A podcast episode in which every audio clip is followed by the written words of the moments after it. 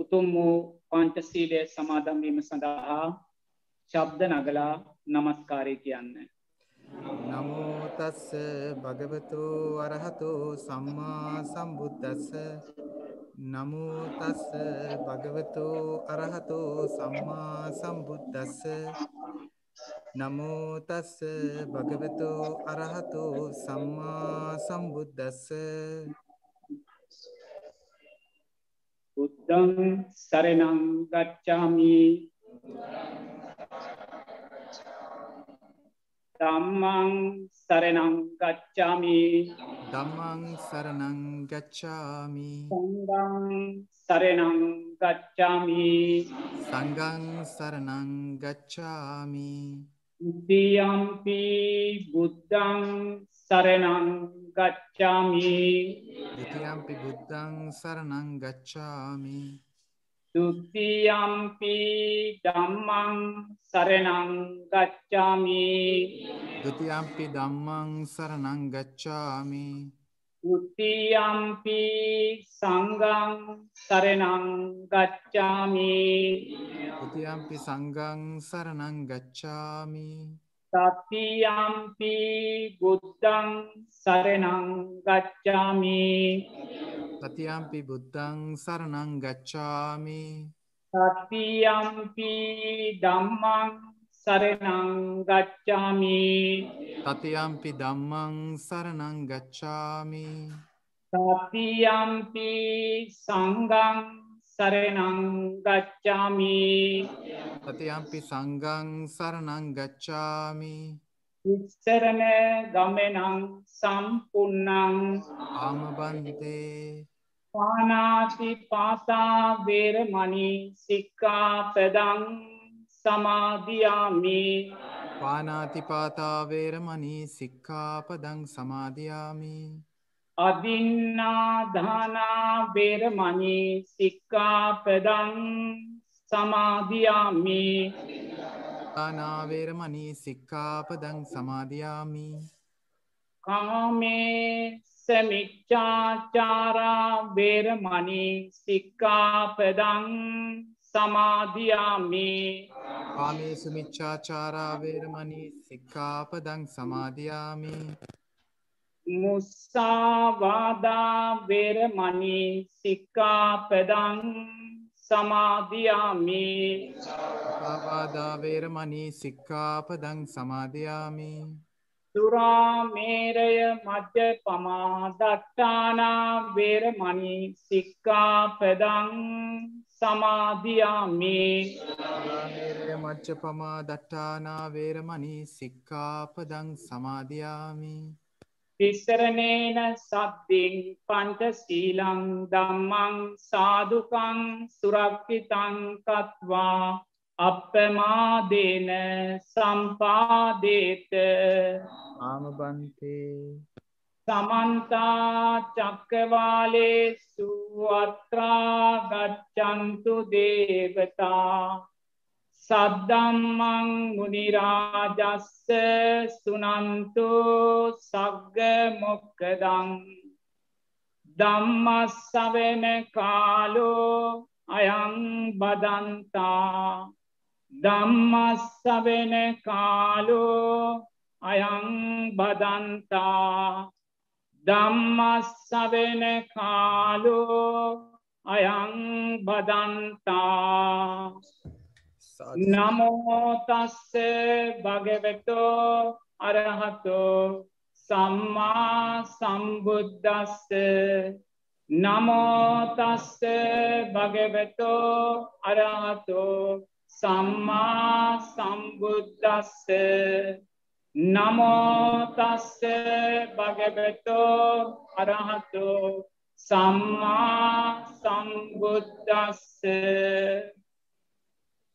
බුදුගල්ලෙන ආරන්න සේනාසනයේ අති ගෞරුවනීය නායක ස්වාමීන් වහන්සේ වන අවසරයි ඒ උඩුවර ධම්මරක්කිත ගෞරුවනීය නායක ස්වාමීන් වහන්සේගෙන් අවසර. ඒ වගේම ගෞරුවනීය රන්මුතුබැල බුද්ධවංශ ස්වාමීන් වහන්සේ ඇතුළු ආරාමේ වැඩ සිටින ගෞරුවනීය සියලූම මහා සංගරත්නයෙන් අවසර පින්වතුනි මීට දින්න හතරකට වගේ පෙරාතුව අපේ ගෞරුවනීය නායක ස්වාමීන් වහන්සේ සිහිපත් කළා. මේ බුදුගල්ලේන ආරන්න සේනාසනයේ නිර්මාතෘ එය අපවත් වී වදාල්ල අති ගෞරුවනය නායක සාමීන් වහන්සේගේ උපන්දින පින්කම අප්‍රේල් මාසෙ දහත්තුන දාහතරවෙනි දින්දු දෙක තුළ සෑම වසරකම සිද්ධ වෙනවා. එනිසා ආයුෂ්මතුන් දහතුන්වැනිදා රාත්‍රයේ අපි සියලු දෙනාම එකතු වෙලා බෝධි පූජාමය පින්කමක් තියෙනවා දාහතර වෙනිදා මෙවැනි ධර්මශාකච්ඡාමය පින්කමක් සිද්ධ කරලා කෘතවේදීව අපි ගෞරුවනීය අපවත්ති වදාළ නායක සාමීන් වහන්සේගේ උතුම් ගුණයන් සිහිපත් කරමුය කියන කාරණය අපිට මතක් කළා.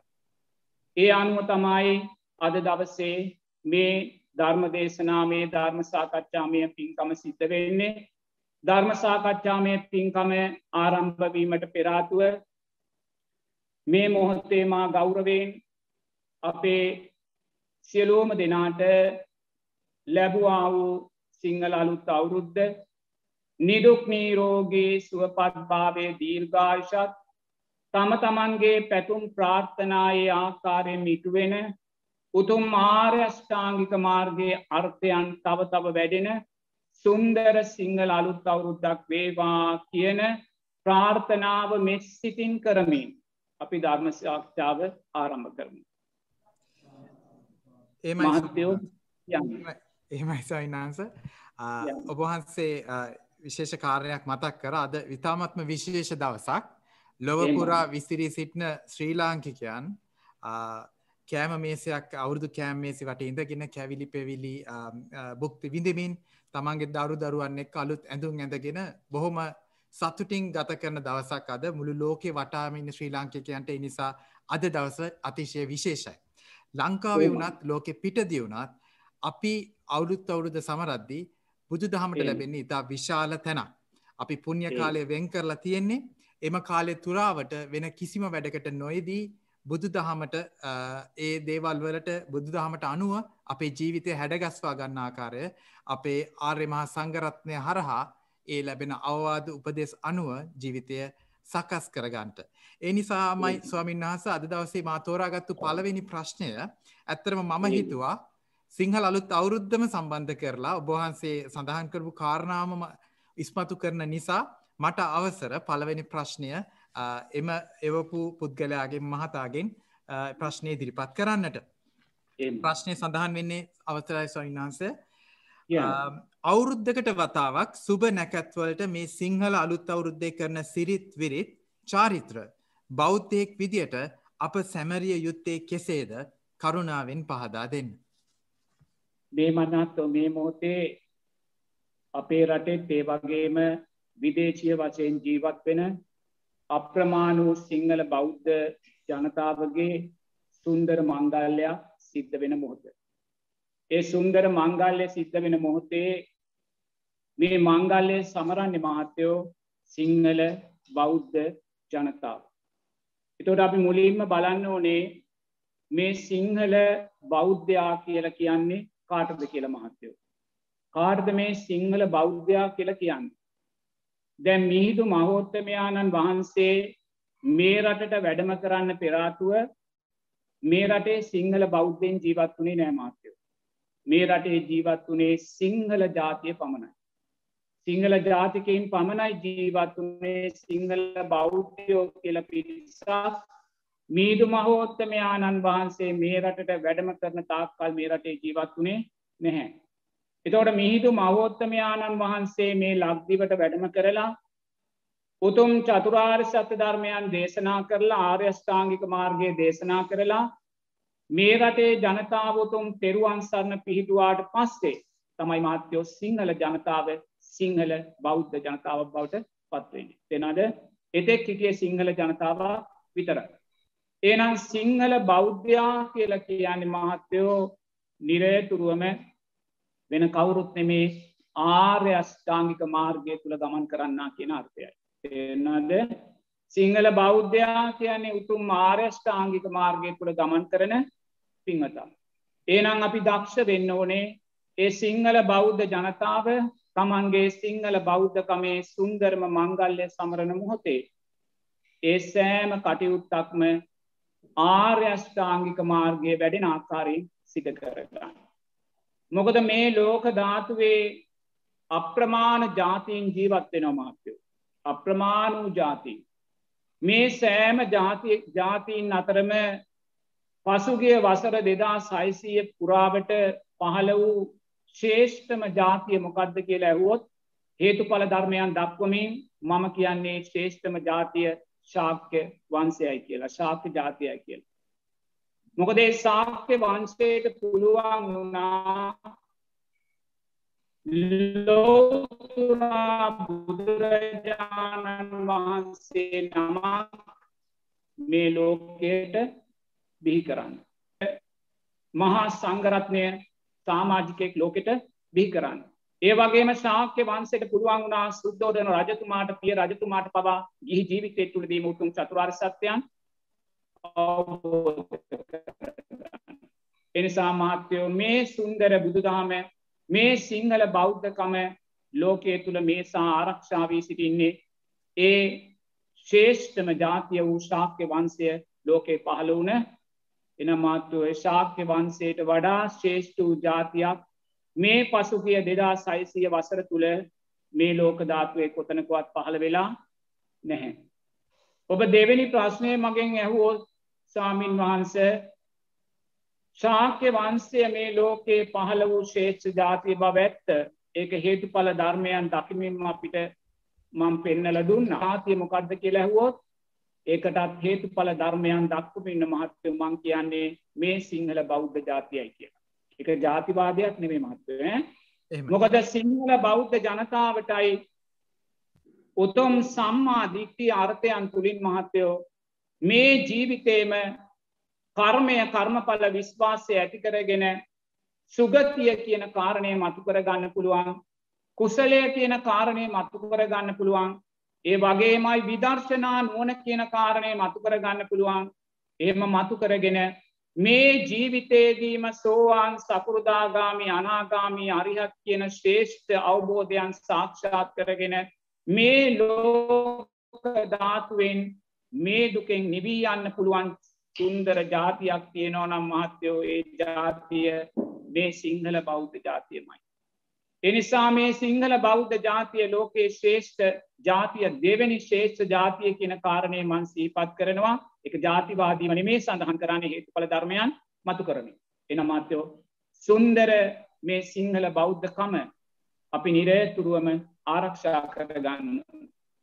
බුදුරජාණන් වහන්සේ මේ සියලු සංස්කාරයෝ අනිත්‍යයි කියලා අපිට දේශනා කළතින.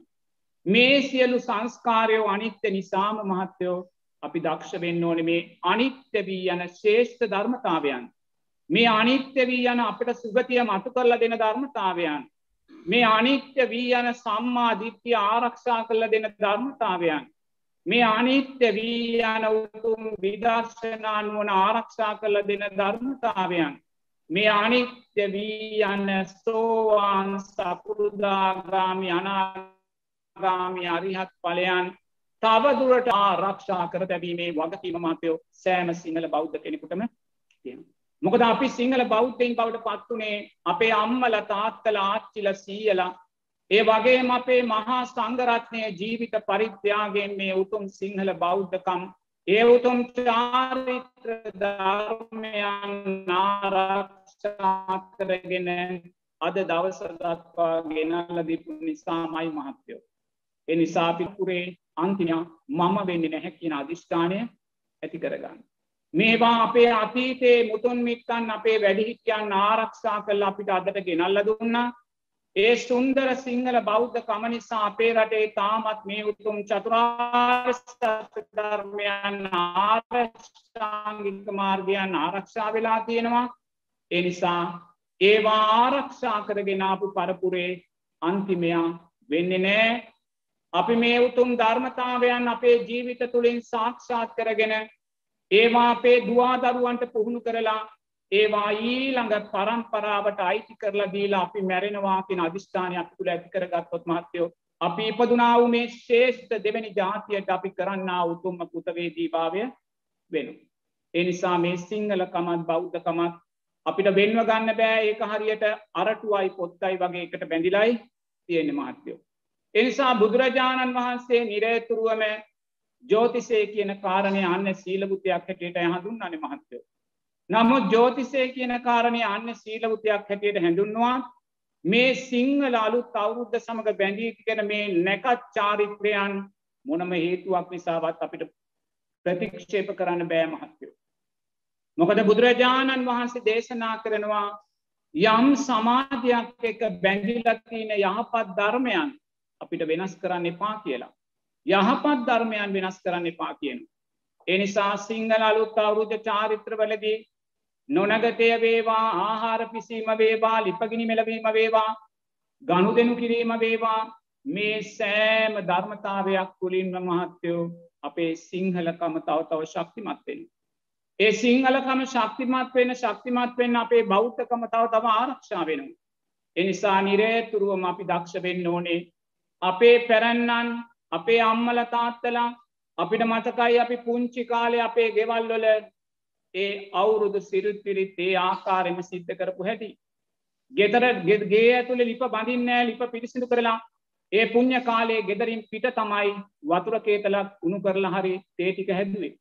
ඒවගේ පූර්ව ආදර්ශයන් අපේ අම්මල තාත්තල අපිට අරන්දුන්නේ මේ සිංහලකම රැකුණොත් තමයි බෞද්ධකම රැකෙනවා කියන ධර්මය ඒ අතීතයේ මුතුන් මිත්තන් දැක්ක නිසාමයි මහත්තයෝ. එනිසා අපි දක්ෂ වෙන්න ඕනේ මේ ලෝක ධාතුව මේ මනුස්ස ලෝකය තුළ මාත්‍යයෝ සීලය කියල දෙයක් ආරක්ෂා වෙලා තියෙනවනම්. දානය කියලා අර්ථයක් ආරක්ෂා වෙලා තියෙනවනම්. මෛත්‍රිය කියන අර්ථයක් ආරක්ෂා වෙලා තියෙනවනම්. ඒ සෑම අර්ථයක් මාරක්ෂා වෙන්නේ මේ සුන්දර බුදු දහම නිසාමයි ඒ අපි තේරුම් ගන්න ඕන. මේ සුන්දර ආර්යෂ්ඨාංගික මාර්ගය නිසාමයි ඒ වගේමයි මේ සුන්දර සිංහල බෞද්ධ ජාතිය මේ සිංහල බෞද්ධ රට කියන්නේ නිරේතුරුවම සම්‍යයක් දෘෂ්ටික දෙවියන් සම්‍යයක් දෘෂ්ටික බ්‍රහ්මයින් වන්දනා කරන බිංකඩක්. ජීවමාන බුදුරජාණන් වහන්සේ හැටියට වන්දනා කරන්න වැදුම් පිදුම් ලබන ස්වර්ණමාලී මහා සෑ සමුදුන් වහන්සේ වැඩඉන්න බිම්කඩ. ජයශ්‍රී මහා බෝසමිතුන් වහන්සේ වැඩඉන්න බිම්කඩ. දන්තධාතුන් වහන්සේ වැඩඉන්න බිම්කඩ ශ්‍රී පාද පත්ම වහන්සේ වැඩ ඉන්න බිම් කඩ පිංහතුනි. එනිසා දිනපතා සම්යත් සම්මාධිත්තික දෙවියන් බ්‍රහ්මයින් දස දහස් ගණනක් යම් බිම්කම් කඩකට වන්දනා කරනවානම් ඒ ශ්‍රේෂ්ඨ භූමියය තමයි අපි මේ දෙපා තබාගෙනන්න. ඒ ශේෂ්ඨ භූමියයේ ජන්ම ලාබය ලැබූ පෙර පින නිසාම ජන්මදා ලාබේ ලැබූ තුෂ්නාපච්චයා උපාදානං උපාදාන පච්චයා බව භවපච්චයා ජාතිය කියන ධර්මතාවය තුළ පෙර ජීවිතවල මනුස්ස ජීවිත ලබලා මේ බුදු දහමස් සමඟ සිංහලකමත් එක්ක බැඳිලා ඒවා උපාදානය කරගෙන නැවත නැවත පටිච්ච සමුපන්න ඉපදෙන ජාතියක්මයි මේ සිංහල බෞද්ධ ජාතියකයන් මහත්තයෝ. එනිසා අපි දක්ෂ වෙන්න ඕනේ මේ සිංහල අලුත් අවුරුද්දක් උදාවුන වෙලාවේ අපේ පැරැන්නන් විසින් අපේ වැඩිහිටියන් විසින් අපිට යම් සිරිත් පිරිත් පද්ධතියක් අපිට උගන්නල තියෙනවනම් සමාජය පිළිගත්තා වූ සිරිත් පිරිත් පද්ධතියක් තියෙනවනම් ඒ සෑම දෙයක්ම අකුරට ඉටු කරලා. ඒ පූර්වා දර්ශයන් අපේ ඊළඟ පරම්පරාවට ලබා දෙන්න අපි දක්ෂ වෙන්න ඕනේ. අපේ ගෙදරේ කටයුතු සිද්ධ වෙන්නේ නැත්තං අපි ඒ සිංහල අලුත් අවුරුදු සිරිත් පිරිත් ඉටු කරන්නේ නැත්තං අපේ දරුවා ඒවා දකිින් නෑ පිංහතුනි. ඒ දරුවා නොදකින නිසාම ඊළඟ පරම්පරාවෙන් මේ සිංහලකමත් බෞද්ධකමත් දෙකම අතුරු දහන් කිරීමේ අනතුරට අපි දායක වුණා වෙනවා. එනිසා ඔබාධිෂ්ඨානයක් ඇති කරගන්න මේ සුන්දර සිංහල අලුත් අවුරුදු මංගල්ලය සිද්ධ වෙන මොහොතේ සිංහල බෞද්ධයා කියන්නේ මේ උතුම් මාර්යෂ්ඨාංගික මාර්ගයේ ගමන් කරන්නා කියන අර්ථයමයි එනිසා මේ ලැබවා වූ සිංහල අලුත් අවුරුද්දේ ඔබ අධිෂ්ඨානයක් ඇති කරගන්න. මම ආර්යෂ්ඨාංගික මාර්ගය තුළ ගමන් කරන සිංහල බෞද්ධයා කියන අර්ථයට සැබෑ වටිනාකම දෙන බෞද්ධයෙක් පවට පත්වෙනවායි කියන අධිෂ්ඨානය ඇති කර ගන්නවා වගේම ඔබේ දවාදරුවන්ට පුංචි දරුවන්ට ඊළඟ පරම්පරාව නියෝජනය කරන දරුවන්ට මේ උතුම් ධර්මතාවයන් නිවැරදිව කියලදීලා මේ සිංහල බෞද්ධ ජාතියේ තියෙන ශේෂ්ඨ භාවයේ දරුවන්ට කියලදීලා නිරේතුරුවම ඔබ දක්ෂ වෙන්න.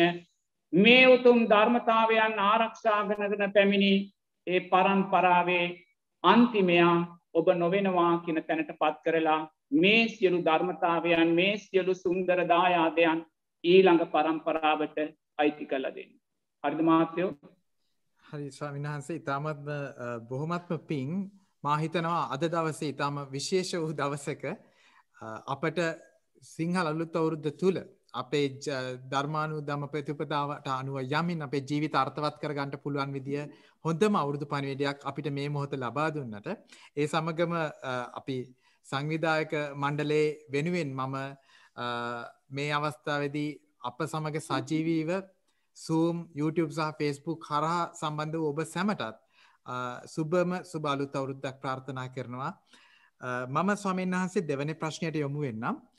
එහි තියෙන්නේ ගිහි ජීවිතයක් ගත කරන කෙනෙක් අත්හැරීම ප්‍රගුණ කරන්නේ කෙසේද කියල ස්වාමිනාස ගේ ජීවිතයක් ගත කරන කෙනෙක් අත්හැරීම ප්‍රගුණ කරන්නේ කෙසේද?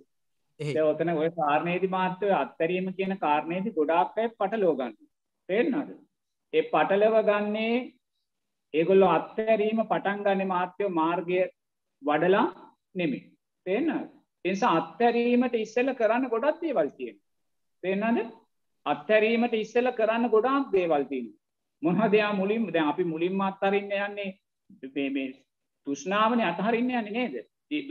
දවාදරු අත්තරින් යනවා ගෙවල් දොරවල් අත්තරින් යනවා ඉඩකඩන් අත්තරින් යනවා. මේ සියලු දේ අත්තරින්න ඉස්සෙල්ල මාත්‍යයෝ අපි නිරතුරුවම අපි දක්ෂ වෙන්න ඕනේ අපි මුලින් අත්හරින්න ඕනේ මොකක්ද අසපුරුෂ ආස්ත්‍රේ ගොද කල්්‍යයාන මිත්‍ර ආස්ත්‍රයයි මේ සිරු ධර්මතාවයන් අපිට මතු කල්ලා එනම් අතහරින්න සූදානම් වෙන කෙනා ඉස්සෙල්ලාම ගෙවල් දොරවල් අතහරින්න අම්මතාත් අතහරින්න දරුව අතහරින්න යන්න එපා. ඉස්සෙල්ලාම අතහරින්න ඕනේ අසපුරුෂ ආස්ත්‍රය දෙවනුවට එයා අතහරින්න ඕනේ අසත් ධර්මයන්. ඒඇන බුදුරජාණන් වහන්සේ දේශනා නොකලා වූ මිත්‍යා ධර්මයන්. තුන්වෙනි ඔය අතහරින්න ඕනේ මහත්තයෝ අනුවනින් මෙනෙහි කිරීම කියන කාරණය. ඔය තුන එකතුනොත් මහත්‍යයෝ විනාසයක් මයි සික්තවේ. ඔන්න අතහරින්න ඕන දේවල් මුලින්ම තව ගොඩ අපි ඒවා ඔක්කොම තියාගෙනයි පස්සේ අතාරි අන අන්තිමට අතරින්නව ඉස්සලා අතහරින්. එසා මුලින් අතහරින්න ඕනේ අසප්පුරු ශාස්ත්‍රය දෙක අසත් ධර්මයන් තුන අනුවනින් මෙනෙහි කිරීම් අතහැරිය තැන මහත්‍යයෝ එයා ඊළඟට මොකක්ද මතු කරගන්න. ඊළඟට එයා අතහරින්න ඕන මොකක්ද. මිච්චා ආර්යෂ්ඨාංගික මාර්ගය අතහරින්න. මිත්‍යා දෘෂ්ටිය අතහරින්න ඕනේ. මිච්චා සංකප්පයන්නේ අතහරින්න ඕනේ. මිච්චා වාචාවන්නේ අතහරින්න ඕනේ. මිච්චා කම්මන්තයන්නේ අතහරින්න ඕනේ. මිච්චා ආජීවයන්නේ අතහරින්න ඕනේ. මිච්චා වායාමයන්නේ අතහරින්න ඕනේ. මිච්චා සතිය අතරින්න ඕනේ. මිච්චා සමාධියයා අතහරින්න ඕනේ මහත්තයෝ.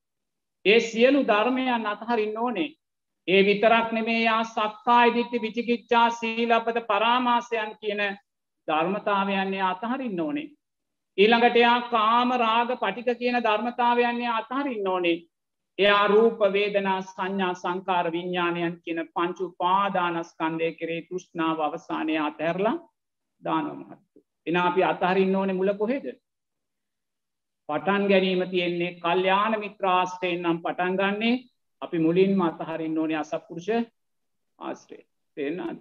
එත්තනින් පටන් අරගෙන තමයි අපි මාර්ගය තුළ අතහරින දේවල් අතහැරලා ඉහිළඟට අපි කොතෙන්ට දෙන්නේ අන්න සුන්දර කල්්‍යාන මිත්‍රාස්ත්‍රයම අපි ලබනු.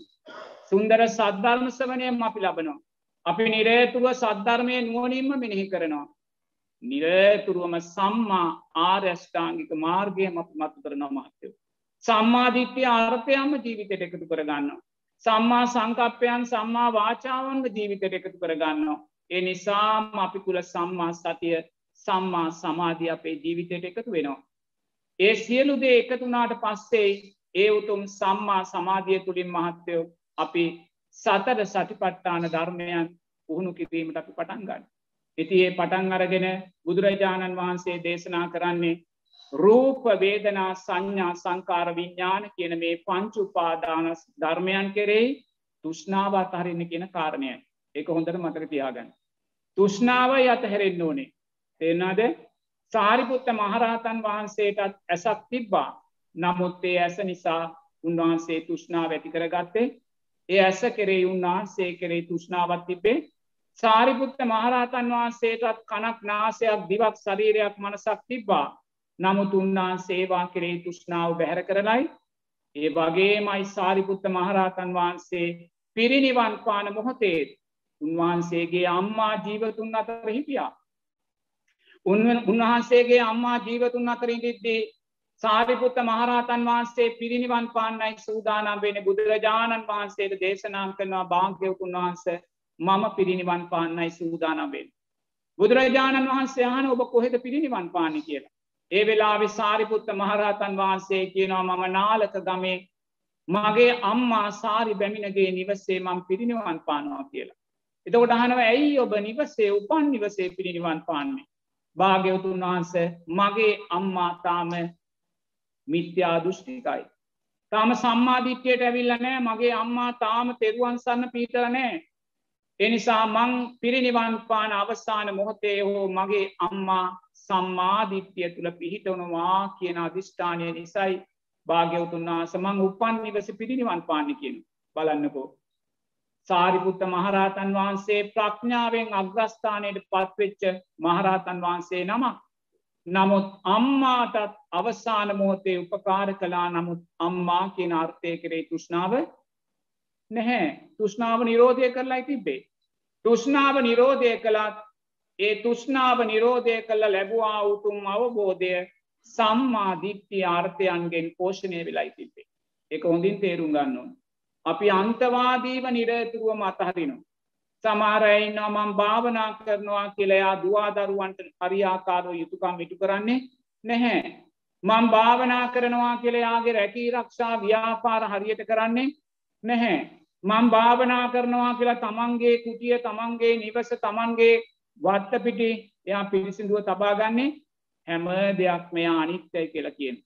මං මේ අතහැරලයි තියන මට මේ වැඩක් සමහර අම්මල ඇවිල්ල අපිට කියනවා සාමීන් වහන්ස මගේ දරුවා කීකරොයි මන් දරුවා අතහැරලයි තියෙන කියලා. සමහරුව එල්ල කෙන සාමීන් වහන්ස මගේ මහත්තයා කීකරු කියන දෙයන්න මං එයාව දැන් අතහැරලයි තින්න එයාගේ දෙත් ඇවිල් යනවා මක් විට වඩා දෙයක් කරන්නේ කිය.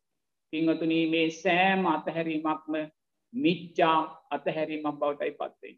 මොකද මේ කිසිම අතහැරීමක් තුළ සම්මාධිත්ති සම්මා සංකප්පයන් පෝෂණය වීමක් ආර්යෂ්ඨාංගික මාර්ගයෙන් පෝෂණය වීම එනිසා පවුලක් ගත්තත් කිසිම අම්ම කෙනෙකුට තාත්ත කෙනෙකුට කියන්න බෑ මං මගේ දරුවා අතහැරලා ඉන්න කියලා. මගේ දරුවා කීකරුයි මංමගේ දරුවා අතහැරලා ඉන්නේ. මගේ බිරිඳ අත්කීකරුයි මංමගේ බිරිඳ ගැන හොයන්නේ නෑ ඒම කියන්න බෑ එහෙම කිව්වොත් අපි අනිවාර්යම සම්මාධිත්‍යයෙන් අපි දුර්වලභාවයට බුදුරජාණන් වහන්සේ දේශනා කරනවා අම්මා තාත්තාගේ යුතුකම් පක්ෂය දරුවන් උදෙසා. ඒ යුතුකම් පක්ෂය ඉටු කිරීම දෙසාපි බැඳී ඉන්න ඕනේ. දරුවෙක් ලෝකෙට බිහි කලානං ඒ දරුවා ආරක්ෂාකාරීව ලොකු මහත් කරලා ඒ දරුවාට ශිල්පශාස්ත්‍ර කියලදීලා ඒ දරුවාව අනාගතයේ රැකී රක්ෂා ව්‍යාපාරයන්ට මාර්ගය මතු කරලා ඒගොල්ලන්ට දායාද පවරල විවාහයක් කරපු ගැන තමයි අම්මා තාත්තාට දරුවාව අවශ්‍යනං අතහරින්න එම අම්මා තාත්තා බැඳුනා වූ වගකීම් සමුදායක්තින. ඒ වගකීම් සමුදාය පන්නවන්නේ ලෝතුරා බුදුරජාණන් වහන්සේ. බිරිදක් සාම්පුරුෂයාට සාම්පුරුෂයක් බිරිඳට තියයුතු වගකීම් සමුදායක් තියෙනවා. ඒ වගකීම් සමුදාය පනවන්නේ බුදුරජාණන් වහන්සේ. නමුත් අපි ඒ වගකීම් බැහැර කරලා අත් හරිනවායි කියන කාරණය අන්තවාදීව ජීවිතයට එකතු කරගෙන අපි අපේ ගිහි ජීවිතයක් අසාර්ථක කනතැන්ට පත්වනොත් ඒ අතහැරීම නම් කවදක්ත් සම්මා අතහැරීමක් බවට පත්වෙන්නේ නැහැ.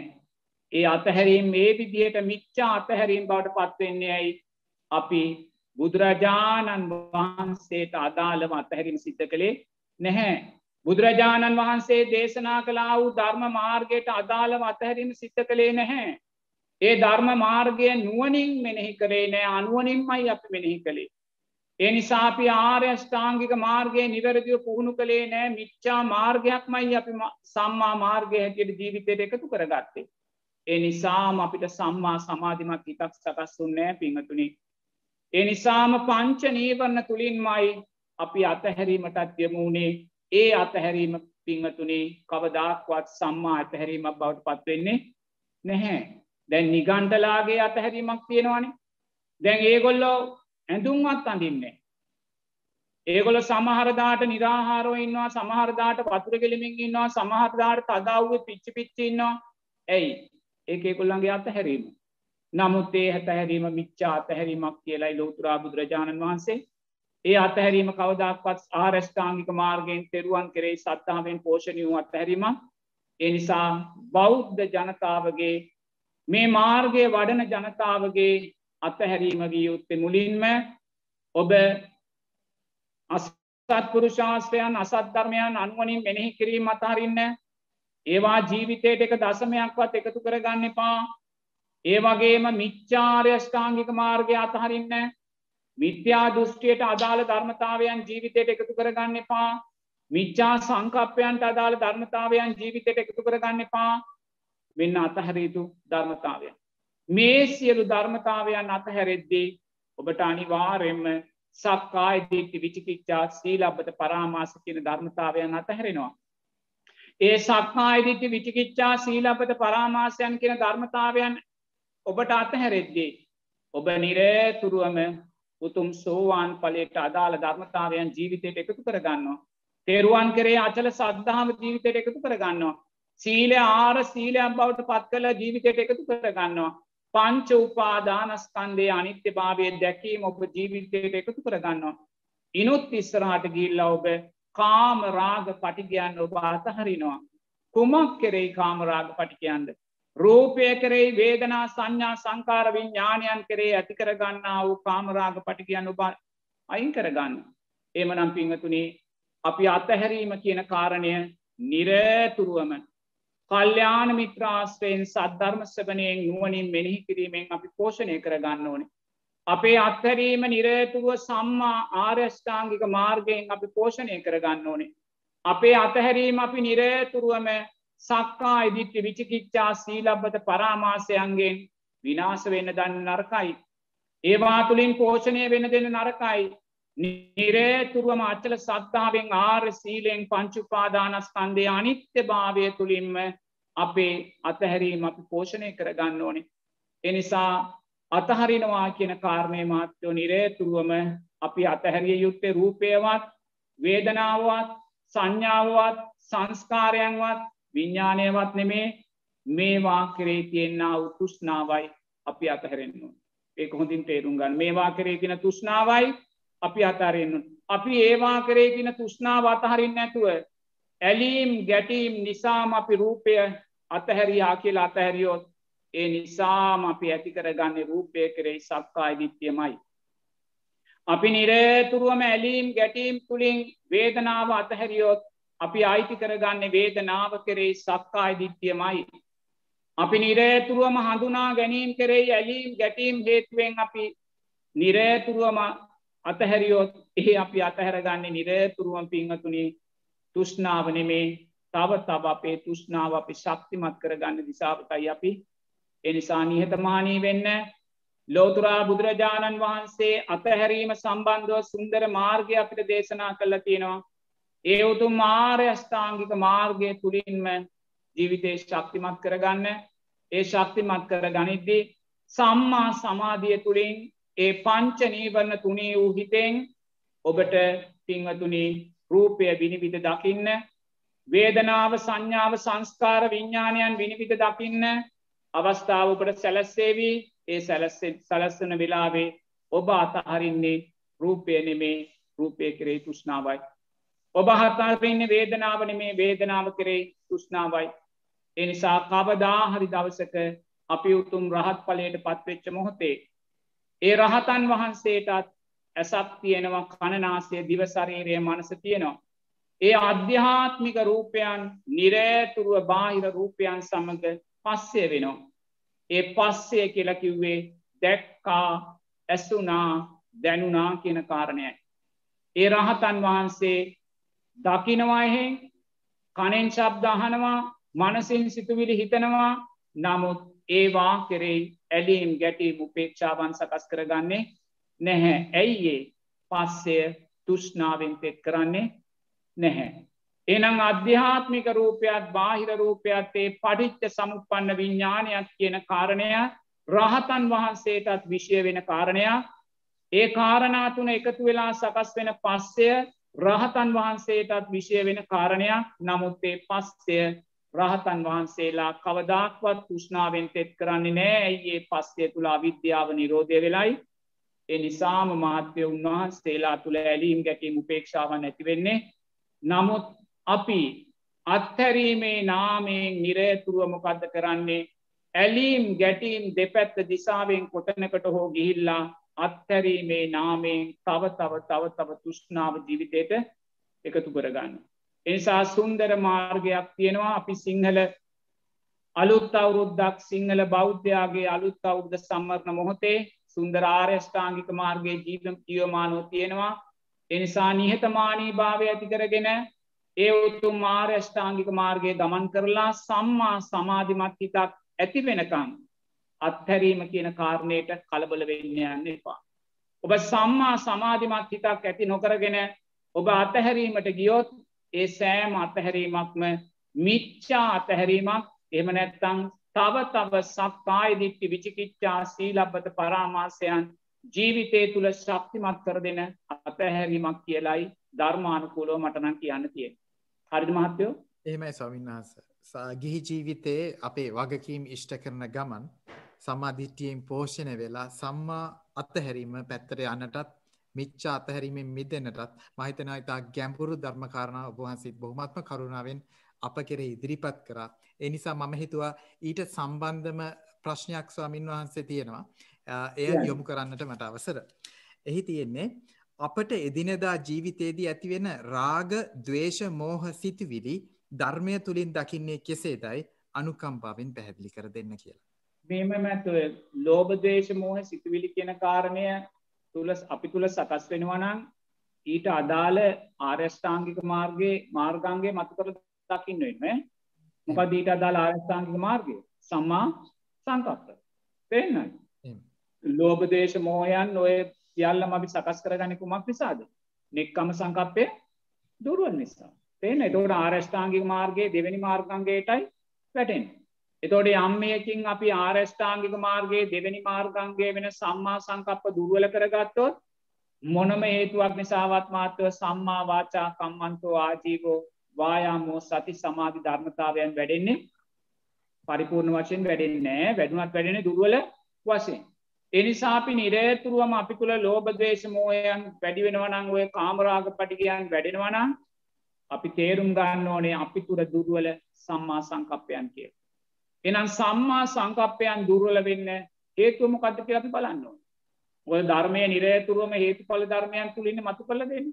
එසා සම්මා සංකප්ප දුර්වලනං ඒකට හේතුව මාත්‍යයෝ සම්මාධිත්‍යය දුර්වල භාවයමයි. අපි ලෝබ දේශ මෝහයන් නැති කරගන්නේ තාම අපි බුදුරජාණන් වහන්සේට කීකරු භාවය ඇති කරගෙන නැහැ. බුදුරජාණන් වහන්සේගේ ධර්මයට අදාළ කීකරු භාවය ඇති කරගෙන නැහැ. බුදුරජාණන් වහන්සේගේ මාර්ගයට අදාළව කීකරු භාවය ඇති කරගෙන නැහැ. එච්චරයි. ඔබට ලෝභ සිතක් ඇතිවෙනවනම් දේශ සිතක් ඇතිවෙනවනම් රාග සිතක් ඇතිවෙනවනම් ඔබ නිරේතුරුවම බුදුරජාණන් වහන්සේ දේශනා කරනවා ආදීනවයන් දැකලා ඒ ලෝභ දේශ මෝසිත යටපත් කරගන්න කියලා. ආදීනවයන් දැකළ යටපත් කරගන්න. මේ ලෝභසිත සකස් වුණොත් මරණාසන්න මොහොතේ මට මේ ලෝභසිත උපාදානය වුණොත් මම ඊළඟ පටිච්ච සමුපන්න ජීවිතේ ප්‍රේතෙක් ප්‍රේතියක් වෙලා ඉප දෙන්න පුළුවන්. මං මේ දේශසිත සකස් කරගත්තොත් මේ දවේශය පුහුණු කරගත්තොත් මරණාසන්න මෝතේ දේශසිතක් සකස් වුනොත් මාව ඊළඟ ජීවිතයෙන් නපුරු තිරිසන් සතෙක් බවට නිරයට පත්වෙන්න පුළුවන්. මම මේ රාගසිත සකස් කරගෙන මේ රාගසිත තවතව පෝෂණය කරගත්තොත් මරනාසන්න මොහොතේ මේ රාගසිත සකස් වුනොත් අර මල්ලිකා බිසවට වගේ ඊළඟ ජීවිතේ පනුකුලයක ඉප දෙන්න අන්න ආදීනවේ දකින පේන්න නිරේතුරුව මෙයා ආදීනවය දැකලා අකුසලයෙන් මිදන්න කියලා බුදුරජාණන් වහන්සේ දේශනා කර. එහෙම නැත්තං ලෝබ දේශ මෝහ රාගසිතක් සකස් වෙද්දී බුදුරජාණන් වහන්සේ දේශනා කරනවා නිරේතුරුවම අරමුණ වෙනස් කරගන්න කියලා. ඔබට ලෝභ සිතක් සකස් වෙලාවේ දේශසිතක් සකස් වෙන වෙලාවේ රාග සිතක් සකස් වෙන වෙලාවේ ඒ සිතට තවදුරටත් ඔබ වැඩෙන්න දෙන්න එපා. වහ වහ පතක් පොතක් බලන්න. ධර්මයට අදාළ දෙයක් කියවන්න. ඒ වෙලාවට සද්ධර්ම ශ්‍රවණයක් කරන්න. නිරේතුරුව එළියට ගිහිල්ලා සක්මන් භාවනාවක් කරන්න. අන බුදුරජාණන් වහන්සේ දේශනා කරනවා හැම වෙලාම Tamanගේ අරමුණ වෙනස් කරගන්න කියලා. ඒ ලෝභ අරමුණ ඒ දේශ අරමුණේ රාග අරමුණට ඉදිරියට යන්න දෙන්න එපා. එවැනි අරමුණක් එද්දි කේන්තියක් එද්දී නිරේතුරුවම අරමුණ වෙනස් කරලා සියලු සත්‍යයෝ සූපත්වේවා කියල දකින. සියලු සත්‍යයෝ නිදුක්වේවා නීරෝගිවේවා සුවපත්වේවාම් කියලයා දකින. ලෝභ සිතක් සකස් වෙද්දි නිරේතුරුවමයා දානය ආනිසංසම දකිනවා. දෙයනේ දානයමයි සත්වයාට ආවිශ්‍ය වර්ණය සැපේ බලය ලබල දෙන්න. මේසා ධනවත් මහේෂාක්‍ය ප්‍රභූ මනුස්්‍යයෝ ඉන්නවා මේ සෑම කෙනෙක්ම දානය පලයක්මයි. අන පිංහතුනේ නිරේතුරුව මෙයා සකස්තුනා වූ අරමුණ වෙනස් කරනවා අනිත් පැත්ත. බුදුරජන් වහන්සේ කියන ඔබට එහෙමත් ඔබේ රාගසිත වෙනස් කරන්න බැරිනන් දේශසිත වෙනස් කරගන්න බැරිනං දත්මිටි කාගෙන හරි ඒ සිත ඉවසන්න කියලා. දත්මිටි ගාගනික සන්න කෙනවා දෙයනේ මේ රාගසිත සකස් වුණොත් බලවත් වූ සිල්පද බිඳීමකට මං යනවා. බලවත් වූ විනාසයක් මට සිද්ධ වෙනවා. මේ ලෝභසිත සකස් වුණොත් බලවත් වූ අනත්තුරකට මාව යනවා. එනිසා නිරේතුරුවම මේ ලෝබ දේශ මෝහ රාගසිත් සකස් වෙද්දී. ඔබට ඉවසන් ඔබට ඒක දරාගන්නම නවත්තාගන්නම බැරිනම් දත්මිටි කාගනහරියක ඉවසන්න ඒ දේශ සිතට එඩියට එන්න දෙන්න එපා කියනවා. ඒ ලෝභ සිතට ක්‍රියාත්මක වෙන්න දෙන්න එපා කියනවා. ඒ මෝහ සිතට ක්‍රියාත්මක වෙන්න දෙන්න එපා කියනවා. එනිසා බුදුරජාණන් වහන්සේ දේශනා කරනවා නිරේතුරුවම මේ ලෝභ දේශ මෝහ ධර්මයන් අප තුළ සකස් වෙන්නේ දෙයනේ සම්මාධිත්‍යයේ දුර්වල භාවය නිසාමයි. සාරා සංක කල්ප ලක්ෂ ගානක් දස පාරමී කර්මයන් පුරලා මහස්සාගරයේ ජලයට වඩා රුදිරය දන්දීල මහ පොළවේ පසට වඩා ශරීරමාස දන්දීලා මේ උතුම් සම්මා දිට්්‍යය මතු කල්ල දුන්න ලෝතුරා බුදුරජාණන් වහන්සේට තාමත් අපි කීකරු නැහැ. අපි කීකරු නැහැ. බුදුරජාණන් වහන්සේ අලෝභ අදේශ අමෝහ ධර්මයන් ජීවිතයට එකතු කරගන්න කියද්දී මේ ලෝබ දේශ මෝහයන් මේසා බරපතල අකුසල් විපාකයන් අපිට සකස් කරලා දෙනවායි කියලා කියල කියද්දී පිංහතුනේ අපි තාමත් ලෝබ දේශ මෝහ රාගයන් තුළම ජීවත් වෙනවා. ඇයි? බුදුරජාණන් වහන්සේට තාම කීකරු නැහැ. බුදුරජාණන් වහන්සේට තාම කීකරු නැහැ. ඒ කියන්නේ අපි තාම බුදුරජාණන් වහන්සේට නයකාරයෝ වෙලා අපි තාම බුදුරජාණන් වහන්සේට නයකාරයෝ වෙලා සාරා සංක කල්ප ලක්ෂ ගානක් ඔබ වෙනුවෙන් මේ දේශනා කරන්න උතුම් ධර්මය වෙනුවෙන් මේ ශාසනය අවුරුදු දෙදස් හයිසීයක් ජීවමානව ආරක්ෂා වෙන්න පුළුවන්කම ලැබුණේ ලෝතුරා බුදුරජාණන් වහන්සේ පැනෙව්වා වූ මේ විනය කාරණා නිසාමයි. උන්වහන්සේ මේ උතුම් විනය කාරණාවන් පනවන්නේ ඔබ කෙරෙයූ මහා කරුණාවෙන්මයි අනේ මේ විනය කාරණාවන් පැනෙව්ව නැත්තම් මේ ශාස්තනය මං පිරිනිවී ගිල් අවුරුදු පණහකින් නැත්තන් සීයකින් අතුරු දහම් වෙලායාවි බුදුරජාණන් වහන්සේ මහා කරුණාවෙන් විනය පනවන්නේ ඔබටත් මටත් මේ සුන්දර ධර්මය ශ්‍රවනය කරන්න. මේ සුන්දර ධර්මමාර්ගය ගමන් කරන්න. මේ සුන්දරම ධර්ම මාර්ගය තුළින් ඔක්තුම් අවබෝධයන් සාක්ෂාත් කරගන්න. අපි තාමත්වේ ධර්ම මාර්ගයට අවනත වෙන්නේ නැත්තං. අපි තාමත් බුදුරජාණන් වහන්සේ පා කිව්වදේ අපි කරනවනං. පොඩි සැපයක් උදෙසා දීර්ග සැපයක් අපි අතහරිනවනං පිංහතුනි ඒ අපේ බුදුරජාණන් වහන්සේ කරේ තින අපීකරු භාවයමයි. සම්මාධිත්‍යය දුර්වල භාවය. ඒ වගේ අපි ලෝබ දේශ මෝහයන් නිරේතුරු ඇති කරගන්නවනම් ඇයිඒ කර්මය කර්මඵල විශ්වාසය තියෙන දුර්වල භාවය. එනිසා නිරේතුරුවම ලෝබ සිතක දේශසිතක මෝහසිතක විපාකයන් නුවනින් දකින්න. අපි නිරේතුරුව ලෝභ දවේශ මෝහ රාගසිත් ඇති කරගන්නවා නම් ඇයි ඇති කරගන්නේ ඊළඟ පටිච්ච සමුපන් උපත පිළිබඳ අපිට විශ්වාසයක් තාම නෑ පිංහතුනේ අනේ ලෝභ සිතක් ඇති කරගත්තොත් ඊළඟ පටිච්ච සමුපන්න උපත මගේ දුර්වල වෙලායාවී දේශ සිතක් ඇති කරගත්තොත් මගේ පටිච්ච සමුපන්න උපත දුර්වල වෙලායාවී මෝහ සිතක් ඇති කරගත්තොත් මගේ පටිච්ච සමුපන්න උපත දුර්වල වෙලායාවී සම්මාධිත්‍යයට අදාළව ජීවිතය දකිින් නෑ පින්වතුනී. ලෝභ සිතට යට වෙනවා දේශ සිතට යට වෙනවා මෝහ සිතට යට වෙනවා. ඒ වගේ මයි අපි පටිච්ච සමුපන්න උපතක් කියන කාරණයේදී අම්මා තාත්තාගේ ගුණයන් කියන කාරණයේදී බුදුරජාණන් වහන්සේ දේශනා කරනවා අම්මා තාත්තා කියන මහා බ්‍රහ්මය කියලා. මෙත්තා කරුණා මුතිතා උපේක්ෂා ගුණයන්ගෙන්මයි අම්මා තාත්තා ලෝකෙ දිහැ බලන්නේ. අද මේ සුන්දර සිංහල අලුත් අවුරුදු මංගල්ලයක් සිද්ධ වෙන වෙලාවේ පිංහතුනී ඒ වෙනුවෙන් කාලයක් වෙන් කල්ල තියෙනවා. ඇයි? වැඩිහිටියන් වන්දනා කරගන්න. දෙමාපියන් වන්දනා කරගන්න. ඇයි එවන් ධර්මයක් මේ චාරිත්‍රයන්ට ඇතුල් වෙලා තියෙන්නේ පිංහතුනේ බුදුරජාණන් වහන්සේගේ උතුම් ධර්මයෙන් පෝෂණය වෙලාමයි. බුදුරජාණන් වහන්සේ දේශනා කරනවා අම්මා තාත්තා කියන්නේ මහා බ්‍රහ්මයා මයි කියලා. මෙත්තා කරුණා මුදිතා උපේක්ෂා ගුණයන්ගෙන් මයි අම්මා තාත්තා දරුවන් දෙස බලන්නේ. ඒ නිසා අපි තුළ විශ්වාසයක් තියෙන් ඕනේ. මේ මනුස්ස ලෝකේ ජීවත් වෙන සෑම මනුස්සෙක්ම සංසාරයේ මගේ අම්ම කෙනෙක්මයි. සංසාරයේ මගේ තාත්ත කෙනෙක් මයි කියල දකින්න පින්වතුනේ කොයිසා සුන්දර ධර්මයද කියල බලන්නකෝ.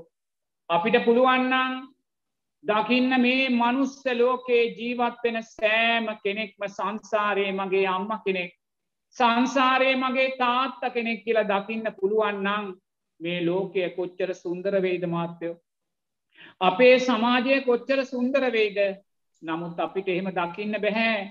ඇයි? අපි බුදුරජාණන් වහන්සේට අදාළව හිතන්නේ නැහැ. අපි හිතන්නේ මේ ජීවිතේ මේ මගේ අම්මා මේ මගේ තාත්තා එපමණයින් එහාට අපි හිතන්නේ නෑ මන් දෑස් දෙක පියාගෙන දකිනවා. මේ ලෝකධාතුවේ ඉන්න සෑම සත්වයෙක්ම මනුස්සෙක් විතරක් නෙමේ. තිරිසන් සතෙක් ප්‍රේතෙක් නිරිසතෙක් අසුරේක් දෙවියෙක් බ්‍රහ්මයෙක් මේ සෑම සතෙක්ම පටිච්ච සමුපන්න මගේ අම්ම කෙනෙක්මයි මගේ තාත්ත කෙනෙක්මයි මගේ දරුවෙක් මගේ මුණපුරෙක් මගේ සහෝදරයෙක් සහෝදරයක් බිරිඳක් සාම්පුරුෂයෙක්මයි මගේ ඥාතියෙක්මයි. පිංහතුනයේ සුන්දර තැන දකිද්දී දේශය පලා යනවා. ඒ සුන්දර තැන දකිද්දි රාගය පලා යනවා. ඒ සුන්දර තැන දකිද්දි මෝහය පලා යනවා.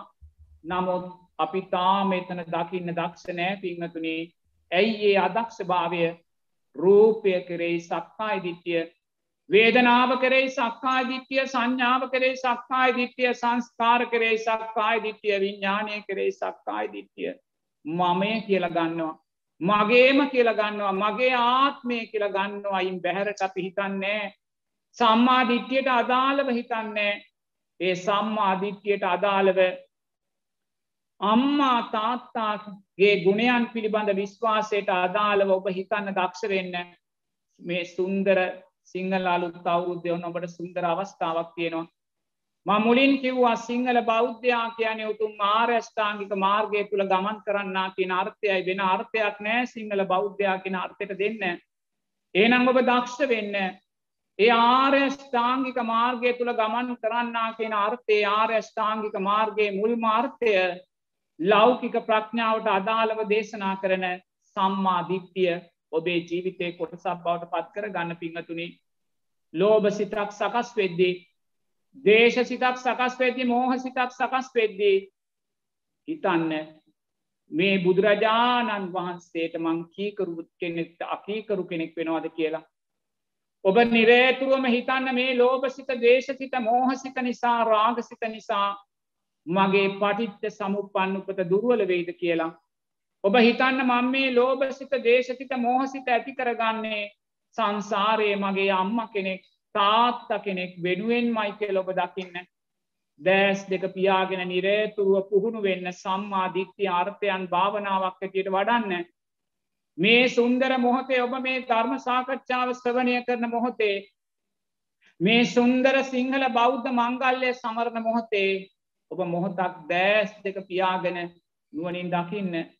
මේ මනුස්ස ලෝකයේ ජීවත් වෙන සෑම මනුස්සෙක්ම සිහියට නගාගන්න මේ ඔබ උපන්බිමේ ඉන්දියාව වේවා බටහිර රටක වේවා අප්‍රිකානු රටක වේවා.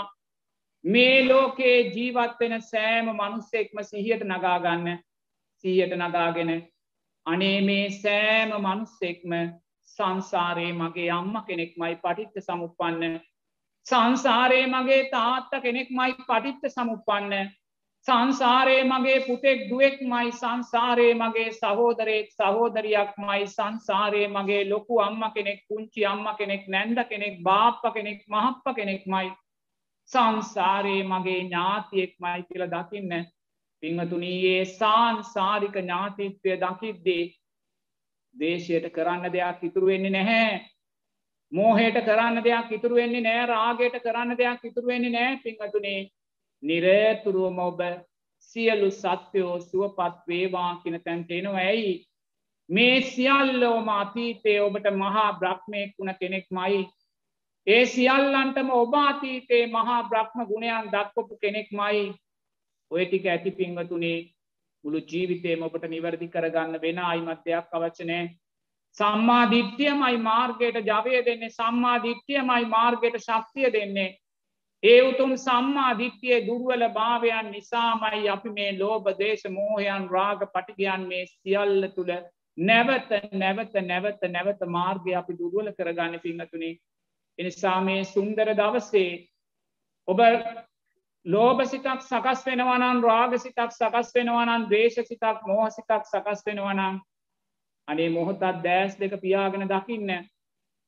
ඔබට ඒ සිතුවිල්ල සකස් කරගත්ත මොහොතේ දෑස් දෙක පියාගන්න තරම් සමාධයක් හිතේ නැති බව ඇත්ත. එනම් රෑට නින්දට ගිය වෙලාවට උදේ ඉඳම් රාත්‍රී වෙනකන් සකස්තුුණු ලෝබ සිතුවිලි මතු කල්ල දකින්න දේශ සිතුවිලි මතු කල්ල දකින්න රාග සිතුවිලි මතු කල්ල දකින්න මෝහ සිතුවිලි මතු කල්ල දකින්න දකිමින් හිතන්න දෙයනේ මේ සිතුවිලි නිසා මට කවදාක්වත් දෙවියෙක් බ්‍රහ්මයෙක් වෙන්න බැහැ.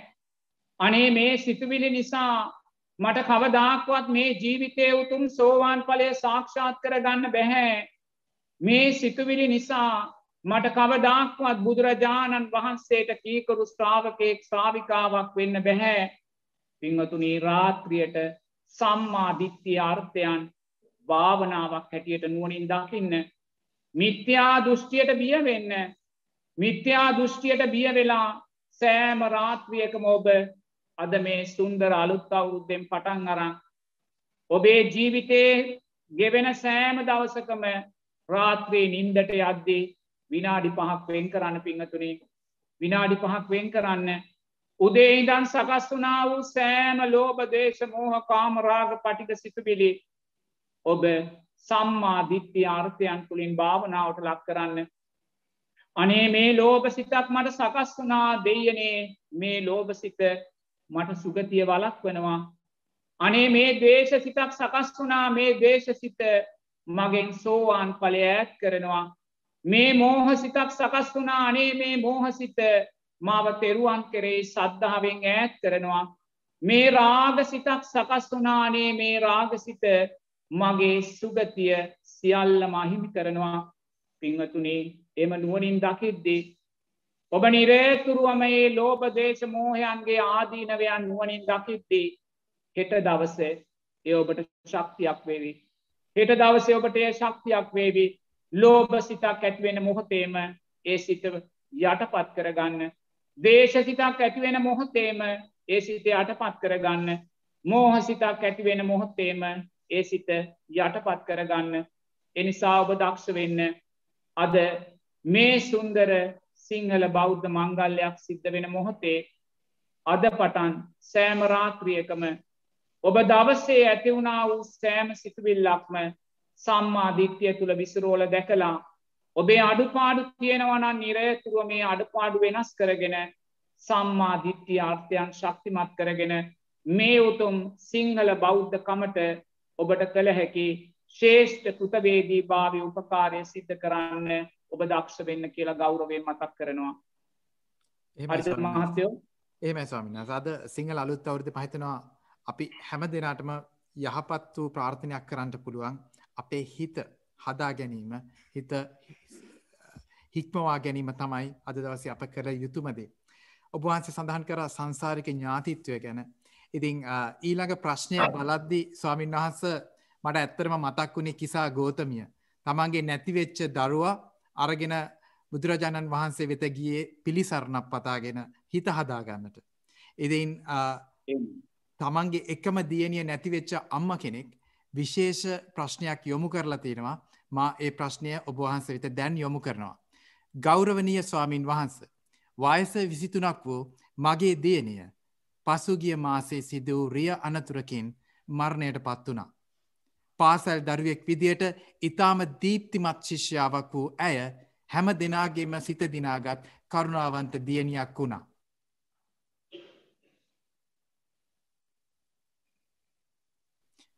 අවසාන කාලේ ඇය බාධාරණට ගත්තා. ඇගේ මරණය අපට ඇති කළේ වචනයෙන් කිව නොහැකි කම්පනයක්. දුව සුගතියක ඉපද සිටිනවාද යන්න නිතර මගේ හිතට එනවා. ඇය මතක් නොවෙන වේලාවක් නැති තරම්. මම මගේ හිත හදාගන්නා විදියක් මට මගේ හිත හදාගන්නා විදියක් මට කරුණාවෙන් පහදා දෙන්න ස්වාමින් වහන්ස. මේමන් මත බුදුරජාණන් වහන්සේ හිත හදාගන්නවා කෙන දුකෙන් දුකතුනී කරගන්න විදියක් නො යහන්න නේද දුකෙන් විදිිය දුකතුනී කරගන්න විදියක් ඉතින් දුකතුනී කරගන්න සුන්දර මාර්ගය බුදුරජාණන් වහන්සේ දේශනා කළ තිනවන මාත්‍යය පේන්න බුදුරජාණන් වහන්සේ සුන්දර මාර්ගයක් දේශනා කළ දෙන දුකෙන් මිටෙන්න එනම් මේසා සුන්දර දුකෙන් මිදීමේ මාර්ගයක් දේශනා කල්ලා තියෙද්දී අපි තාමත් දුක තුළනන් ජීවත් වෙන්නේ. එකන්න අපේ මාර්ගය ජීවිතයට එකතු කරගෙන නැහැ. තේන්න ඒ මාර්ගය ජීවිතයට එකතු කරගෙන නැහැ. ඉති ඒ මාර්ගගේ ජීවිතයට එකතු කරගන්න ඉස්සල ම මුලින්මකුවනේ කල්්‍යාන මිත්‍රාස්ටේ සද්ධර්මස වනය නුවනින් මෙනෙහි කරන්න ඕන කියලා මාත්‍ය මේ තුනෙන්තොරව අපිට මාර්ගය මතු කරගන්න බැහැ. එතොට කෙනෙක්කින් ඔයා කල්්‍යාන මිත්‍රාස්ටේ ලබනවා සද්ධර්මස වනය කරනවා. නමුත්තේ සද්ධර්මය නුවනින් මෙනෙහි කරන්නේ නැහැ. සද්ධානමය නුවනින් මෙනෙහි නොකර එය ආරෂ්ඨාංගික මාර්ගය තුළත් ඉන්නවා. එයා සීලේ ශක්තිමත් කරගන්න. ඔයා දන් දෙනවා. ඔයා මෛත්‍රී වඩනවා. නමුත් කොයි වෙලාකවත් ධර්මය නුවනින් මෙනෙහි කරන්නේ? එනිසා කුමන ධර්මයක් වුණ සාර්ථක වෙන්න නම් මහත්තයෝ ශ්‍රවණය කලා වූ ධර්මය නුවනින් මෙනෙහි කරන්න ඕනේ. තේන්නල් ධර්මය ශ්‍රවණය කරලා ධර්මය නුවනින් මෙනෙහි කිරීමෙන් තොරව අපි දන්දුන්නත් සිල් සමාදන් වනත් මෛත්‍රී වැඩුවත් ඒවා තුළින් අපි සැබෑ මාර්ගය ශක්තිපත් කරගන්න මාර්ගය දිසාවට අපි ජීවිතය යොමු කරගන්නේ නැහැ. ඒ නිසා ඒ අම්මා තමන්ගේ දියනිය වියෝවුණ නිසා දුක්වෙනවා මිසක් බුදුරජාණන් වහන්සේගේ දේශනා කලා වූ ධර්මය මං හොදටිම දන්න ඒ අම්මා ශ්‍රවනය කරන කෙනෙක් නමුත් ඒ අම්මා ඒ ධර්මය නුවනින් මෙනෙහි කරන්නේ නැහැ. එතකොට ඒ ධර්මය නුවනින් මෙනෙහි කරද්දී මොකක් දෙයා දකින්න මහත්තයෝ. අර මුගලන් මහෝත්තමයාණන් වහන්සේ එරුති ප්‍රාතිහාරය දක්වන ගෞරුවනය රහතන් වහන්සේලා අතරින් අග්‍රස්ථානයට පත්වෙච රහතන් වහන්සේ. උන්වහන්සේ පිරිනිවන් පාන්‍ය මහත්තයෝ හොරු රැලක් උන්වහන්සේ අල්ලගෙන උන්වහන්සේගේ අතපය කුඩු එන්නම ගහන්න. උන්වහන්සේගේ අතපය කැඩෙන්න්නම ගහනවා. ඒ කැඩෙන්න්නම ගහල තමයි උන්වහන්සේ උන්වහන්සේගේ අධ්‍යාත්මික ශක්තියෙන් ඒ විදුණු අතපා එකතු කරගෙන ලෝතුරා බුදුරජාණන් වහන්සේ ළඟට ඇවිල්ලා අවසර අරගෙන පිරිනිවන් පාන. එතොට මේ උතුම් රහතන් වහන්සේට සම්මා සම්බුද්ධ ශාසනයේ ඉහළම තැනකහිටිය මේ රහතන් වහන්සේට මේ ආකාරයෙන් සොරුලැලක් පහර දෙද්දී පුතක් දෙන ස්වාමීන් වහන්සේලා මොකද කළේ බලවත් ආකාරයෙන් කලබල වුණා. එගොල නොසන්සුන් වුණා. ඒ ස්වාමීන් වහන්සේලා බුදුරජාණන් වහන්සේ ඇවිල්ල කියෙන භාග්‍යවතුන් වහන්ස මේක හරිම අසාධාරණයක්. මුගලන් මහෝත්තමයාණන් වහන්සේට මෙහ විදියට පහරදීලා අපවත් කිරීම බලවත් අසාධාරණයක් මේ අසාධාරණය වහාම රජතුමාට සැල කරලා මේවට දඩුවම් කරන්න කියලා. ඒ වෙලා බුදුරජාණන් වහන්සේ දේශනා කරනවා මහනෙන මේ තරම් සාධාරණයක් ලෝකෙ කොතනකවා මොකද කියන්නේ? මේ තරම් සාධාරණයක් ලෝකෙ කොතනකවත් තමන්ගේ ප්‍රධාන ශ්‍රාවකයන් වහන්සේ අතපය කුඩු කරලා අපවත් වෙන තැන්ට පත් කරද්දී ඒ ශාස්තෘන් වහන්සේ කියනවා මුගලන් මහරහතන් වහන්සේට සත පහකුවත් අසාධාරණයක් වෙලා ඔය මුගලන් මහරහතන් වහන්සේ සංසාරයේ තමන්ගේ අම්මා දෑ සන්ද අම්මා තාත්තාට මේ විදිහටම පහරදීලා බලවත් විනාසයක් කළා. තෙන්නද බලවත් වූ පහරදීමකට එන දැන්ගේ පහරදීම සාධාරණද අසාධාරණද? සංස්කාරයන්ට අදාළව කොතනකවත් අසාධාරණයක් නැහැ. අන දැන් ධර්මය නුවනින් මෙහි කරනවා. ධර්මය නුවනින් මෙනෙහි කරනට එයා දකිනවා දෙයනේ මේ එර්දි ප්‍රාතිහාරයාතින් ඉහළම තැනක හිටිය මේ රහතන් වහන්සේ මේ විදිහටයි පිරිනිවන් පාන. එතකොට රාහුල මහෝත්තමයාණන් වහන්සේ අවුරුදු පණහ වගේ වයස්සදී පිරිනිවී යනු. ඒ රාහුල මහෝත්තමයාණන් වහන්සේ පිරිනිවී අද්දි රාහුල මහෝත්තමයාණන් වහන්සේගේ පියාණන් වන බුදුරජාණන් වහන්සේත් මෞතුමිය වෙන යසෝදරා උත්තමාවියත් ජීවතුන් අතර ඉන්නවා. රාහුල මහෝත්තමයාණන් වහන්සේ බුදුරජාණන් වහන්සේට ඇවිල්ලා කියනවා භාග්‍යවතුන් වහන්සේ මට පිරිනිවන් පාන්න අවසර දෙන්න කියලා. ඒ වෙලා භාග්‍යවතුන් වහන්සේ අහන්නේ ඔබ පිරිනිවන් පානේ කොහෙද කියලා. මම තව්තිසාවේ දෙවියන් අතර පිරිනිවන් පානවා කියන. හොඳයි ඊට අවසරයි කියන. බුදුරජාණන් වහන්සේ කිව්වද රාහුල ඔබේ වයස තාම අවුරුදු 50යි.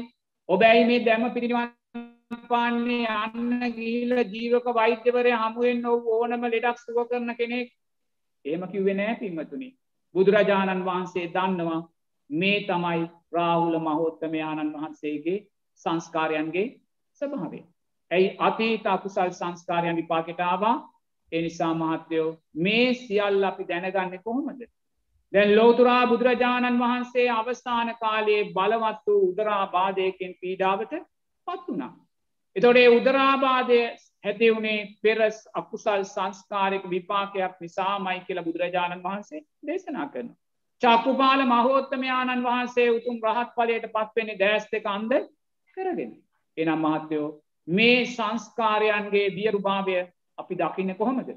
සද්ධර්ම ස්ථවනය කරලා ඒ ස්වනය කලා වූ සද්ධර්මය නුවනින් මෙනෙහි කිරීමෙන් මයි මහත්තයෝ. ඒනගේ මෑණියන්ගේ දුව වයස විසිතුන වගේ කාලෙකදී අධ්‍යාපනය ලබන කාලකදී මහපාරක රිය අනුතරකින් ජීවිතක්ෂයට පත්වෙන්න මාත්‍යයෝ අනිවාර්යෙන්ම ඊට අදාළ සංස්කාරයන් තිබුණ නිසා. ඒක අයිමත් දසමයකවත් සැකයක් හිතන්න අවස්ථාවයක් නැහැ. ඒ මොහොතේ ඒ දියනියට පාරට යන්න සකස් වුණේ. ඒ මොහොතේ රියදුරු මහත්‍යයාට අපරික්ෂා කාරීව රියෝ පදවන්න සිත සකස් වුණේ කුමක් නිසාද. සංස්කාර පච්චයා විඤ්ඥාන කියන ධර්මතාවේ. අනේ දැන් මිය යන්න මේ ආකාරයෙන් මහපාරය අනතුරකෙන් මිය යෑමට අදාළ සංස්කාරයන් තියෙනවා අන්න දැනීම සකස් වෙනවා මේ මොහොතේමං පාරට යන්න ඕන කියල. එයා යනවා. එතකොට ඒ වගේම තවත් අකුසලයක් තියෙන කෙනෙක් ඒ වගේම දැනීම් සකස් කර ගන්නවා මං මේ මෝතේ වේගවත්වය යන්න ඕනේ අපරික්ෂාකාරිවයන්න ඕන කියලා පිංහතුනි මේ ආකාරයෙන් අතීත අකුසල් සංස්කාරයන් අපිට විපාක එනිසා මුගලන් මහෝත්තමයාණන් වහන්සේගේ පිරිනිවීම බුදුරජාණන් වහන්සේ දේශනා කරනනම් මෙතන කිසිම අසාධාරණයක් නෑ කියලා. එනම් බුදුරජාණන් වහන්සේගේ ශ්‍රාමකය කැටියට එපින්වත් දියනිය මිය ගිය බව ඇත්ත. ඒ සෝකයේ අම්මතාත්තර දරාගන්න බැරි බව ඇත්ත. නමුත් ධර්මාන් කූලව එතන අසාධාරණයක් තියෙනවා කියලා අපිට දකින්න බැහැ. එනිසා නිරේතුරුව තව තව සද්ධර්ම සමනය කරන්න සවනය කලා වූ සද්ධර්මය නුවනින් මෙනෙහි කරන්න නුවනින් මෙනෙහි කරලා නිරේතුරුව මේ සංසාර බය දකින්න මාත්‍යයෝ. මේ සංස්කාරයන්ගේ අනිත්‍යභාවය මේ සංස්කාරයන්ගේ වියරුභාවය නුවනින් දකින්න.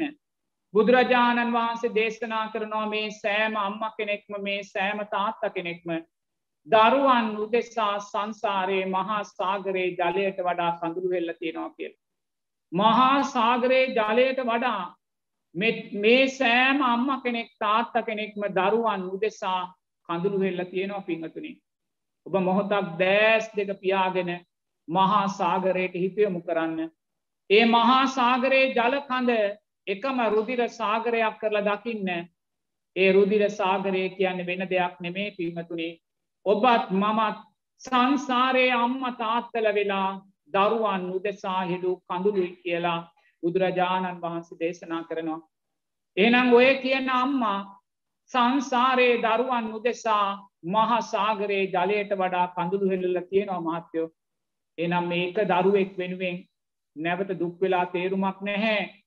මේ දරුවා වෙනුවෙන්නේ කඳුළු සාගරයට තව කඳුළු එකතු කරලා වැඩක් නැහැ.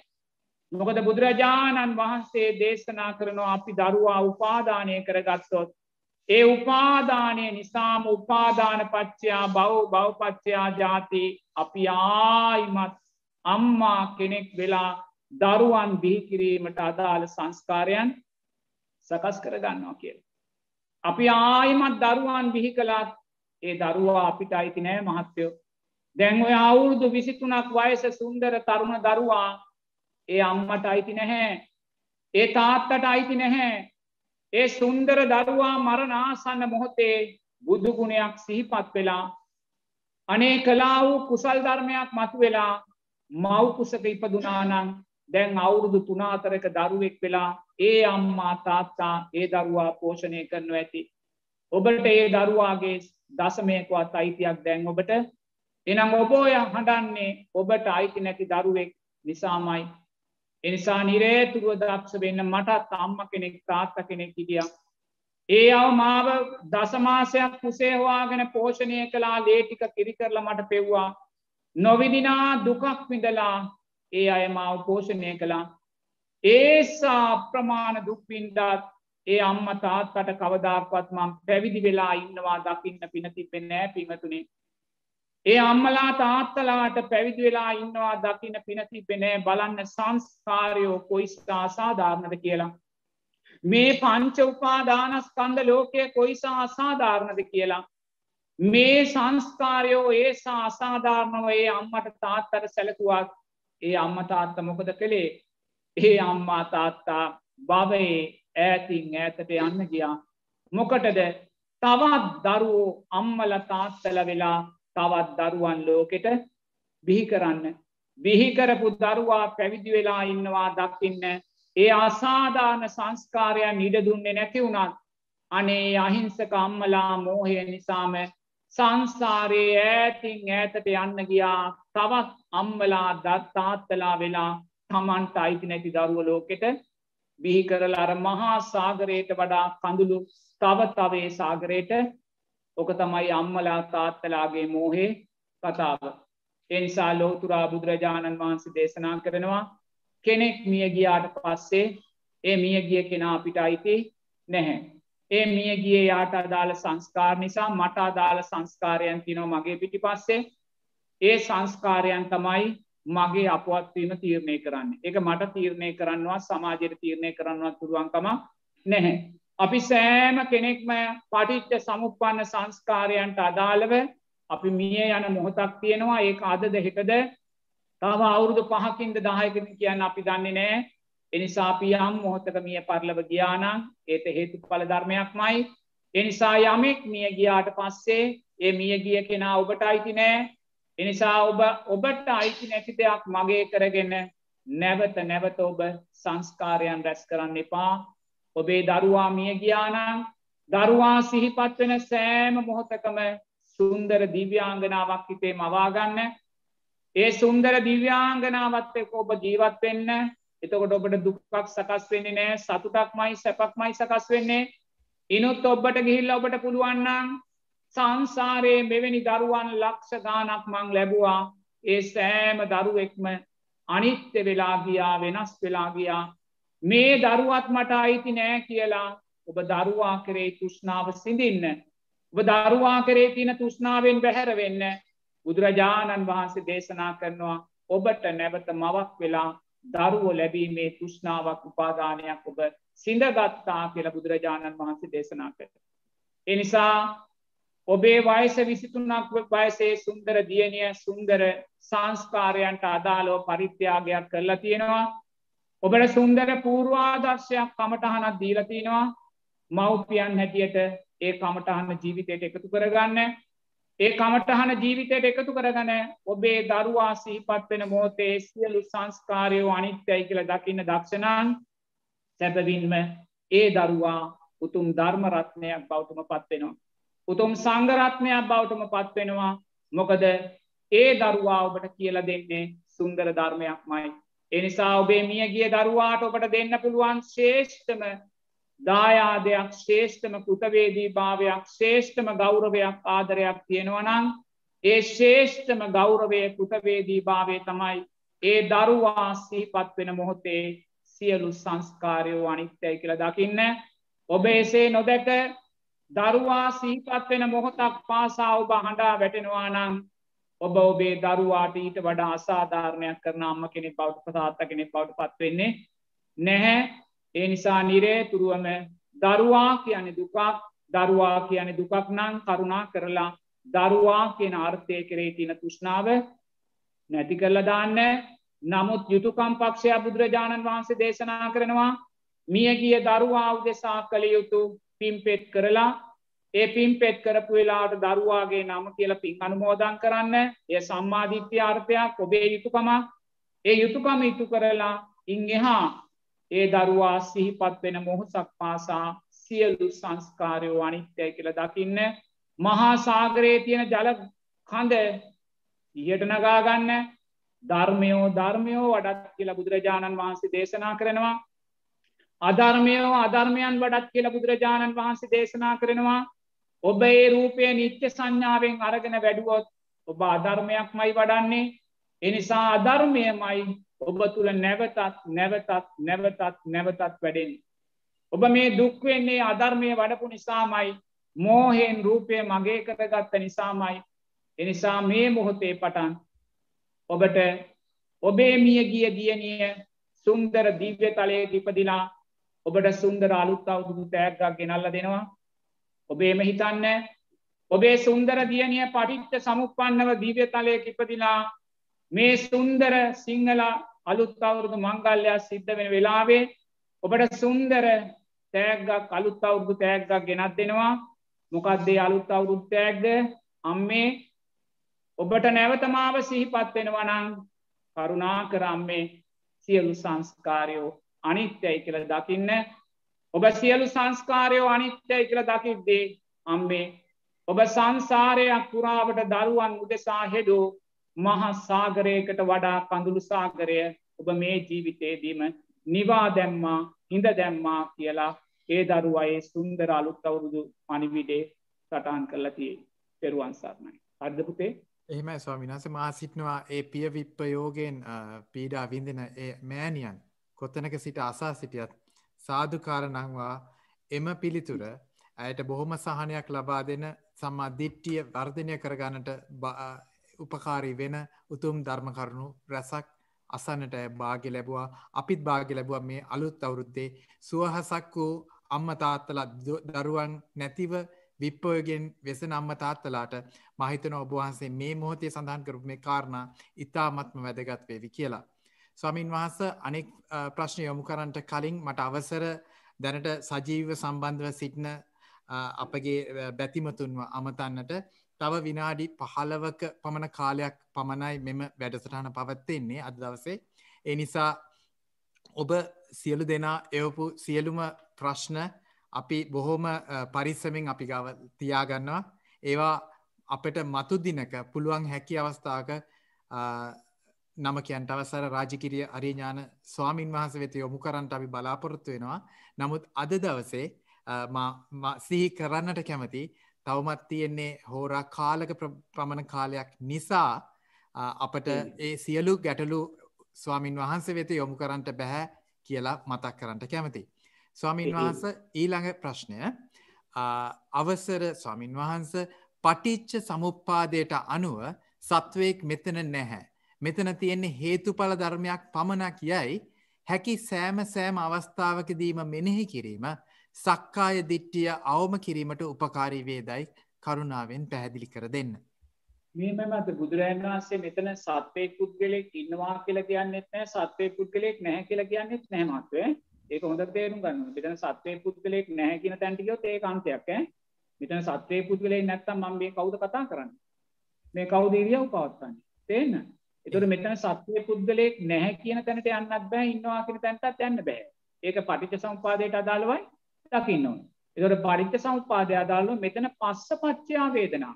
පස්සේ නිසා සකස් වෙන්නා වූ විඳීම තියෙනවා හරි ඒක හොඳට තේරුම් ගන්න ඕනේ පස්සේ නිසා සකස් වෙන්නා වූ විඳීමක් මෙතන තියෙනවා එතොරේ පස්ස පච්චයා වේදනාව තමයි මේ අපි ඉන්නවා කියන තැන පටිට සම්පන්නව අපි ඒ ධර්මතාවය තුළ විසිරෝලයි දකින්නවා. එනිසා නිරේතුරුවම බුදුරජාණන් වහන්සේ අපිට දේශනා කරනවා සීල විසුද්ධිය තුළින් චිත්ත විසුද්ධිය ඇති කරගන්න කියලා. එතොට සීල විසුද්ධිය ඇති කරගන්න ඉස්සෙල්ල අපි අනිවාර්යෙන්ම අපේ ලෞකික ප්‍රඥාවේ ශක්තිය අපි තුළ තියෙන්නවා. ලෞකික ප්‍රඥාවේ ශක්තිය අපි තුළ නැත්තන් කවදක්වත් අපිට සීල විසුද්ධියක් ඇති කරගන්න බැහැ. මොකද ලෞකික ප්‍රඥාව කියන්නේ සම්මාධිට්ටි සම්මා සංකප්ප. මේ සම්මාධිට්ටි සම්මා සංකප්ප කියන ලෞකික ප්‍රඥාවන් අනිවාර්යෙන්ම අපි තුළ තියෙන්න ඕන. ඒ ධර්මතාවයන් වැඩෙද්දී හේතු පල ධර්මයන් හැටට වැඩෙන්නෙම කක්ද. සීල විසුද්ධිය. සීලේ පිරිසිදු භාවය ඇතිවෙන. එතකොට ගිහි කෙනෙක් නම් ගිහි ජීවිතයට අදාළව සම්මාවාචා සම්මාකම්මන්තෝ සම්මාජීවෝ ඒ කියන ආජීව අට්ටමක සීලයාර්ථය උපසම්පදා භික්‍ෂූන් වහන්සේ කෙනෙක් නම් උතුම් ප්‍රාතිමෝක්ෂ සීලය ඒවගේම සාමනේර සාමීන් වහන්සේ කෙනෙක් නම් දස සීලය ඒවගේම සේකිය හැත්තපා එතොට මේ ධර්මයන් තුළ නිරේතුරුවම අපේ සීල විසුද්ධිය ශක්තිමත් භාවය ඇතිවෙන. එතකොට සම්මා දිට්ටි සම්මා සංකප්ප ලෞකික ප්‍රඥාවෙන් අපි සීල විසුද්ධිය ඇති කරගන්නවා සම්මා වාචා කම්මන්තෝ ආජීවෝ ඊට පස්සේ අපි චිත්ත විසුද්ධියට එනවා. සිතේ පිරිසිදු භාවය සමාධිමත් හිතක් ඇති කරගන්න. එතකොට ඒ සමාධිමත් හිතට ඇති කර ගනිති අපි තුළ කුමක්ද වැඩෙන මාර්ගය. සම්මා වායාමෝ සම්මා සති සම්මා සමාන. ඒ කියන්නේ අපි සීල විසුද්ධියෙන් චිත්ත විසුද්ධිය ශක්තිමත් කර ගනිද්දී අනිවාර්යෙන්ම අපි ලෞකික ආර්යෂ්ඨාංගික මාර්ගයේ සම්මාධීත්‍යය කරා ඇවිල්ලා ඉවරයි. සම්මාධිත්‍යය කරා ඇවිල්ල ඉවරයි. එතකොට ඒ සම්මා දිට්ටියේ සම්මා සම්මා සමාධියට අපි ඇවිල්ලා ඉවර. ඒ සම්මා සමාධිමත් හිතෙන් අපි මොකද කරන්න ඕන. දිෂ්ටි විසුද්ධිය දැක්ම පිරිසිදු කරගන්න වෙන. කුමක් කෙරේ දැක්මද. නිරේතුරුවම මේ රූප වේදනා සංඥා සංකාර විඤ්ඥානයෝ මමය මගේ මගේ ආත්මයයි කියල දකින්නා වූ දැක්ම අපි නිවැරදි කරගන්න. ඒක නිවැරදි කරගන්න මාත්‍යයෝ නිරේතුරුවම අපි පටිච්ච සමුපාද ධර්මයට අදාළව ජීවිතය විසිරෝලා දකින්න ඕන. මුද පටිච්ච සමුපාද ධර්මයට අදාළව ජීවිතය විසිරෝල දකින්න නම් මම්හුලින් කිව්වා සීල විසුද්ධිය ශක්තිය තියෙන්න්න ඕනේ චිත්ත විසුද්ධිය ශක්තිය තියෙන්න්න ඕනේ. ඒකැනි ලෞකික මාර්ගය වැඩිලා සම්මා සමාධිමත් හිතක් එයාට තියෙන්න්න ඕනේ. ඒ සම්මා සමාධිමත් හිතෙන් තොරව කවදක්වත් දික්ටි විසුද්ධිය සාර්ථක භාවයට පත්වෙන්නේ නැහැ. චිත්ත විසුද්ධියෙන් තොරව දිට්ටි විසුද්ධියක් ඇතිවෙන්න විදිහක් නැහැ. ඒ වගේම සීල විසුද්ධියෙන් තොරව දිට්ටි විසුද්ධියක් ඇතිවෙන්න විදිහක් නැහැ.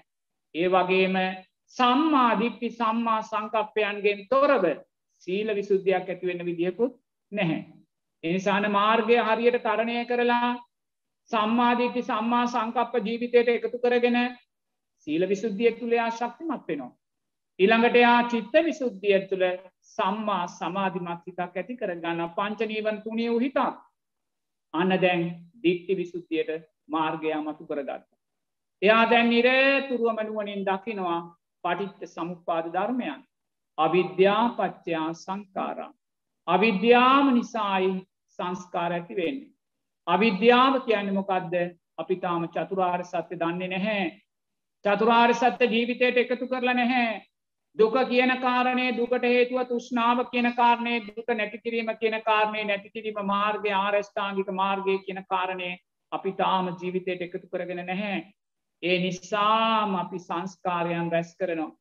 අපි තාම දන්නෑ මේ කුසල් සංස්කාරයෝ අකුසල් සංස්කාරයෝ අනිත්ත වෙලා යනවා කියලා හිතන්න තාම හිතේ විනිවිධ භාවයක් නැහැ පංච නීවරණ හිත වෙලාගෙන අපිට දෑස් දෙක පියාගෙන අපිට දකින්න ශක්තියක් නෑ තාම දෙයනේ සංසාරයේ මම මහා බ්‍රහ්මයා වෙලා ඉපදිලා තියෙනවා.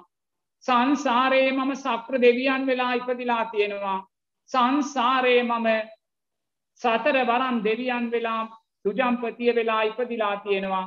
සංසාරයේ මම සක්විති රජ වෙලා ස්ත්‍රී රත්නය වෙලා රජවරු සිටුවෙරු වෙලා මහේෂාකය කුලවෙල ඉපදිලා තියෙනවා.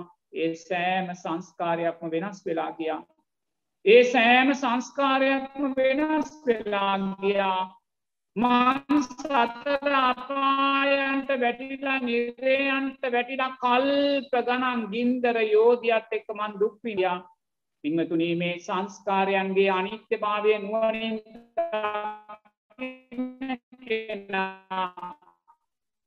සංස්කාරයන්ට බැන්දෙන්නේ නෑ එයා දකිනවා දෙයනේ මේ ලෝක ධාතුවේ. මම මේ සියලු ධර්මතාවයෝ අයිතිකර ගහන්සේ දේශනා කරනවා. මේ මහ පාරහරහා පනින කඩිරැලක් පෙන්නලා. මහනෙන මේ කඩිරැලේ ඉන්න සෑම කඩියෙක්ම සංසාරය සක්විති රජ වෙලා තියෙනවා කියල පිංහතුනින් ඔබ ඉදිරියේ ඔය යන කූම්බියා සංසාරයේ සක්විති රජ කෙනෙක් වෙත්ත කෙනෙක් මයි නමුත්තේ දේ කූම්බියාට තේරෙන් නැහැ නමුත් ඔබට තේරුම් ගැනීමේ ශක්තිය තියෙනවා. ඔබට ඒ තේරුම් ගැනීමේ ශක්තිය ලබල දෙන්නේ මේ උතුම් ශ්‍රී සද්ධර්මයමයි. ඒ උතුම් ශ්‍රී සද්ධර්මය ඔබට කල්්‍යයාන මිත්‍ර භාවයෙන් දේශනා කළේ ලෝතුරා බුදුරජාණන් වහන්සේමයි. අන පිංහතුනේ එයා මේ සංස්කාරයන්ගේ වියරුභාවය නුවනින් දකිනවා. එයා මේ අවිද්‍යාවේ වියරුභාවය දකිනවා. අපි තාම මේ අවිද්‍යාවේ වියවරුභාවය දකින්න නෑ පිංහතුනින්.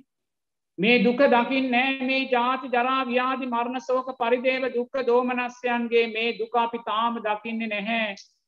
ඒ දකිින් නැත්තේ ඇයි ඊට අදාළ සම්මා සමාධිමත් හිතක් අපිට නෑ පිංහතුරි. බුදුරජාණන් වහන්සේ දේශනා කරනවා. මෙතෙන්ට එක පින්වතෙක් එනවා එයා තිවුණු වේවැලක් කරගෙන යෙන්නේ. එයා ඇත්ත කතා කරන කෙනෙක්. එයා කවදාක්වත් බොරු කියන්නේ එයා යම් පොරොන්දුවක් වුණොත් ඒ පොරොන්දුවය අකුරට ඉටු කරනවා පිංහතුනේ මේ පින්වතා මෙතෙන්ට ඇවිල්ල වේවැල අතේතියාගෙන කියනවා මං ඔබට දවසකට වේවැල් පාරවල් තුන්සීයක් ගහනවා. එක දවසකට මං ඔබට වේවැල් පාරවල් තුන්සීයක් ගහනවා. ඒ වගේ මං අවුරුදු තුන්සීයක් ඔබට දවසට වේවැල් පාරවල් තුන්සිය බැගින් ගහනවා කියනවා. කෙන අවුරුද්ධට දවස් තුන්සිය හැට පහේව තුන්සීයක් මේ වේවැලෙන්මන් දවසට තුන්සිය වතාව ගාන ගහලා තුන්සීය වැනි අවුරුද්ධ ගෙවුණ වෙලාවේ මං ඔබට උතුම් සෝවාන් පලේ ලබා දෙනවා කියලා. බුදුරජාණන් වහන්සේ දේශනා කරනවා කරුණා කරලා ඒ දඩුවම විදලා ඒකැන දවසට වේවැල් පාරවල් තුන්සිය ගානේ අවුරුදු තුන්සීයක්කේ වේවල් පාරවල් කාලා ඔබ ඒ උතුම් සෝවාන් පලේ ලබා ගන්න ඒ ඔබට ලාභයක් මයි කියල පිංහතුනි. ඒ ඔබට ලාභයක් මයි කියලා මේ සුන්දර සිංහල අවුත් අවුද්දා සමරණ මොහොතේ පිංහතුල්ලා මේ ධර්මය හොඳින් නුවනින් දකින්න. සංස්ථාර බය මේ සංස්කාරයන්ගේ වියරුව මේ සංස්කාරයන්ගේ ප්‍රෝඩාව නුවනින් දකින්න බුදුරජාණන් වහන්සේගේ මේ උපමාව සුන්දර ධර්මයක් වෙනවා. ඒසා සංසාරික දුකක් අපි සංසාරය විඳල තියෙනවා පිංහතුනි ඔබ දෑස් දෙක පියාගෙන මොහොතක් දකින්න ඔබ නිරේට වැටුනොත් චතුස්කන්නේ චතුස් දවාරයට වැටුනොත් පිංහතුනයේ චතුස්කන්නේ චතුස් දවාරයේ මහා ගිනි ජාලාවට ඔබ වැටුනොත් මරනාසන්න මොහොතේ ඔබ දවේශ සිතක් සකස් කරගෙන මෝහ සිතක් සකස් කරගෙන ඒ මෝහසිත දේශ සිත නිසා ඔබ චතුස් කන්න චතුස් දවාරයට වැටුනොත් පිංහතුනී ඒ ගින්නේ ඔබ කල්ප ගානක් පිච්චෙනවා. මෛත්‍රියයක් වැඩෙන්නේ නෑ කරුණාවක් වැඩෙන්නේ නෑ මෙත්තාවක් වැඩෙන්නේ නෑ වෛරය දේශය පලිගැනීමමයි වැඩෙන්නේ. ඒ නිසාම පිංහතුනේ කල්ප ගානක් කල්ප ගානක් කල්ප ගානක් නිරයන් එකසිය තිස් ගානක් දුකට පත්වෙනවා කල්ප ගානක් අන්න බුදුරජාණන් වහන්සේ දේශනා කරනවා ඒ දුකට විශාල නැත්තං අර වේවැල් පහරේ දුකද කියලා. ඒකයි ඔබට කියන්නේ බුදුරජාණන් වහන්සේ වේවැල් පාරවල් අවුරුදු තුන්සීය කාල දවසට තුන්සිය ගානේ. ඒ උතුම් සෝවාන් පලය ගන්න මරණආසන්න මොහොත්තේ අපි දවේශ සිතක් සකස් කරගෙන තිරිසන් කුලේක ඉපදුනොත් බල්ලෙක් වෙලා ඉපදුනොත් නපුරු තිරිසන් සතෙක් වෙලා ඉපදුනොත් පිංහතුනී ඒ සතා මෛත්‍රියත් දන්නේ නෑ ධර්මයක් දන්නේ නෑ කරුණාවත් දන්නේ නෑ. දේශයමයි වැඩෙන්නේ. බුදුරජාණන් වහන්සේ දේශනා කන ඔය පිරිසන් සතෙක් එකම කුලේ ආත්ම භාව පන්සීයක් විතර පටිච්ච සමුපන්නෝ ඉපදෙනවා කියලා. දෙයි හාමුදුරුවනේ එකම කුලේ පටිච්ච සමුපන්නව ආත්ම භාව පන්සීයක් ඉපදිලා කරගන්නා වූ අකුසල් කන්දරාවෙන් තව කල්ප කෝටි කොච්චරක් නං සතරාපාය දික්වේද පිංහතුනේ. අන්න බුදුරජාණන් වහන්සේ කියනවා අද වැනි සුන්දර සිංහල බෞද්ධ මංගල්ලයක් සම්මරණ මොහොතේ ඒ සිංහල බෞද්ධයා ආර්යෂ්ඨාංගික මාර්ගයේ ගමන් කරන්නා කියෙන අර්ථය මතු කල්ල දෙන මොහොතේ බුදුරජාණන් වහන්සේ දේශනා කරනවා මේ සංසාර බය මොහොතක් දකින්න මේ සංසාර ගැමුර මේ සංසාර දුර මොහොතක් දකින්න දැකලා යමෙක් ඔබට කිව්වොත් මම දවසකට ඔබට වේවැල් පාරවල් තුන්සීයක් ගහනවා. ඒ වගේ අවුරුදු තුන්සීයක්ම මං ඔබට මේ පේවැලෙන් පහර දෙනවා. තුන්සීය වෙනි අවුරුද්දෙදී මම අනිවාර්යෙන් ඔබට සෝවාන් ඵලය දෙනවා කියලා.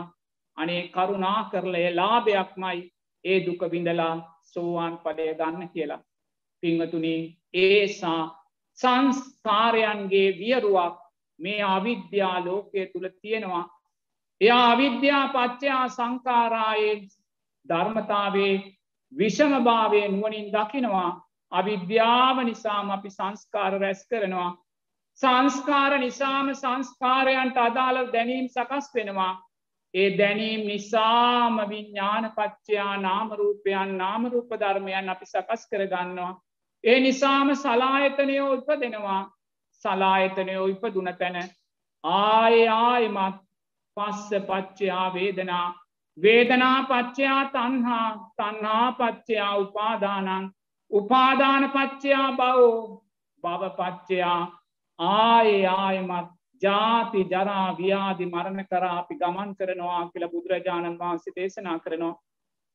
එයා සීල විසුද්ධිය තුළින් චිත්ත විසුද්ධිය සාක්ෂාත් කරගෙන ඒ සම්මා සමාධිමත් හිතෙන් අවිද්‍යාවනුවනින් දැක්කොත් දෙයනේ මේ දුක සකස්තුනේ මේ සංසාර ගැඹුර සකස්තුනේ මේ සංසාර දුර සකස්තුනේ බුදුරජාණන් වහන්සේ දේශනා කරන මේ උපමාවේ ගැඹුර මේසා සකස්තුනේ අවිද්‍යාව නිසාමයි. මේ දුකට හේතුව තුෂ්නාවමයි රූප වේදනා සංඥා සංකාර විඤ්ඥානයන් කරේ තුෂ්නාවමයි පිංහතුනි.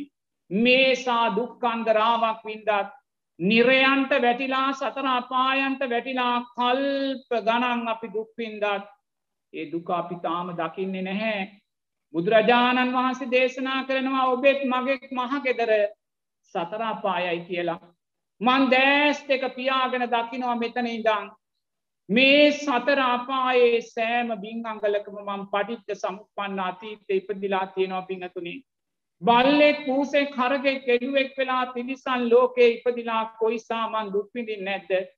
මං හරකෙක් වෙච්ච වෙලාවේ ඌරෙක් කුකුලෙක් වෙච්ච වෙලාවේ එඩුවෙක් වෙච්ච වෙලාවේ මිනිස්සු මගේ බෙල්ල කපාගෙන මරාගෙන කාපු වෙලාවේ ගලාගෙන ගිය රුදිරේ මහසාගරයේ ජලයට වඩා වැඩි කියලා බුදුරජාණන් වහන්සේ දේශනා කරනවා. ඒසා දුක්ඛිත අතීතයක් පසු කරගෙන අපි ඇවිල්ලා තිබ්බත් අපි ඒ දුක දකින්නේ පින්වතුනි. රූපය සැපයි, රූපය සුභයි, රූපය ආත්මයි, රූපය නිට්ටයයි, අනේ මේ වේදනා මේ විඳීම් නිත්‍යයි මේ හඳුනා ගැනීම නිත්‍යයි මේ සංස්කාරයෝ නිත්‍යයි මේ විඤ්ඥානයෝ නිත්‍යයි සක්කාය දිට්්‍යයම පිංහතුනී පංචුපාදානස්කන්දය ගන්නවා. ඒ ගන්න ගන්න මොහොතක් පාසා අපි තව තවා විද්‍යාව ශක්තිමත් කරනවා. අපි තව තව අවිද්‍යාව ශක්තිමත් කරද්දි අවිද්‍යාවට අදාළවම සංස්කාරයෝ පිරීතිරී යනවා. සංස්කාරයෝ පිරි ඉතිරී අද්දී සංස්කාරයන්ට අදාළ සුන්දරසා සුන්දර දැනීම් විඤ්ඥානයෝ අපිට සකස් වෙනවා. ඊට අදාළව නාම රූප ධර්මයෝ පංච උපාදානස්කන්දයන් අපි සකස් කර ගන්නවා. පිංහතුනේ සලායතනයෝ ඉපදිච්ච තැන අපි නැවත නැවත අජ්‍යාති ජරාව්‍යාදි මරණ ලෝකෙට අපි ඉදිරියට ගමන් කරනවා.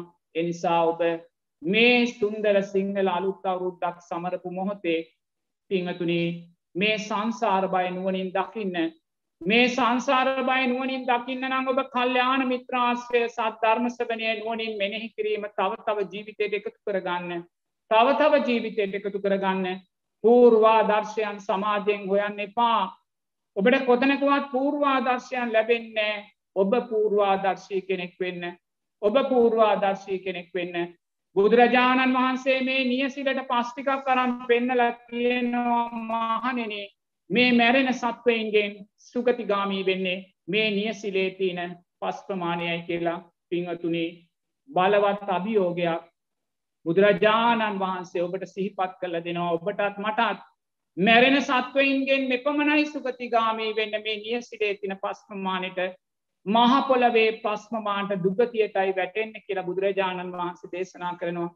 එනිසා මේ සංසාර බය නුවනින් දකින්නා පිංහතුනේ කවදාක්වත් ආර්යෂ්ඨාංගික මාර්ගෙන් බැහැරට යන්නේ නැහැ. ජීවිත පරිත්‍යාගෙන් ආර්යෂ්ඨාංගික මාර්ගය ශක්තිමත් කරගෙන එයා මේ දුකෙන් එතර වෙනවා කියලා බුදුරජාණන් වහන්සේ දේශනා කරනවා. එනිසා පින්වත් ඔබ දක්ෂ වෙන්න අද මේ ස්තුන්දර සිංහල අලුත් අවුරුද්දත් සමරණ මොහොතේ ආර්යෂ්ඨාංගික මාර්ගයේ ගමන් කරන්නා සිංහල බෞද්ධයායි කෙන අර්ථය දකින මොහොතේ පිංහතුනේ මේ සංසාර දුක දැකලා මේ සංසාර දුර ගැඹුර දැකලා මේ පංච උපාදානස්කන්ද ලෝකයේ අනිත්‍ය දුක්ඛ අනාත්ම භාවය දැකලා මේ සංස්කාර වියරුව දැකලා පුළුවන් තරම් ආර්යෂ්ඨාංගික මාර්ගයේ ශක්තිමත් කරගන්න. සම්මා දිට්ඨිය අර්ථයන් භාවනාවක් හැටියට සෑම රාත්‍රියකම වඩන්න. ලෝභ දේශ මොහ සිතුවිල්ලක් ඇති වුණොත් දත්මිටි කාගෙන හරි ඒ සිතුවිල්ල ඉවසන්න. පින්වතුනේ දුකට වැටුනොත් වැටෙන්නේ ඔබයි. දුකට වැටුනොත් වැටෙන්නේ ඔබයි. නමුත් ඔබ මේ දුක සකස් කරගන්නේ ඔබට අයිති නැති ඇසක් නිසා. ඔබට අයිති නැති කණනාසේ දිව ශරීරය මනසක් නිසා ඔබට අයිති නැති බිරිඳක් සාම්පුරුෂයෙක් දරුවෙක් ඥාතියෙක් ඔබට අයිති නැති ඉඩමක් ගයක් වාහනයක් රටක් ජාතියක් නිසාමයි ඔබ මේ සංස්කාරයෝ රැස් කරගන්නේ එනිසා මේ සංස්කාරයන්ගේ වියරුව නුවනින් දකින උතුම් මාර්ය අෂ්ඨාංගික මාර්ගය ශක්තිමත් වෙන සුන්දර සිංහල අලුත් අවුරුද්දක් බවට මේ සුන්දර අලුත් අවුරුද්ධ පත් කර ගන්න. අර්ධමාත්‍යයෝ එමයි හරිද? ස්වාමීන් වහන්සේ මා සජීව සම්බන්ධව සිටින පින්වත් ප්‍රේක්ෂකයන්ට මතක් කරනවා. අද දවස්සේ වැඩසටහන්ට යොමු නියමිත වූ කාලය මෙතකින් අවසන්නනවා ගෞරවනය ස්වාමින් වහන්සේ අප කෙරේ මහත් වූ කරුණාවෙන් මේ ප්‍රශ්න සියල්ල අප කෙරෙහි පසිඳල්ලමින් අපට කරුණු දැක්වවා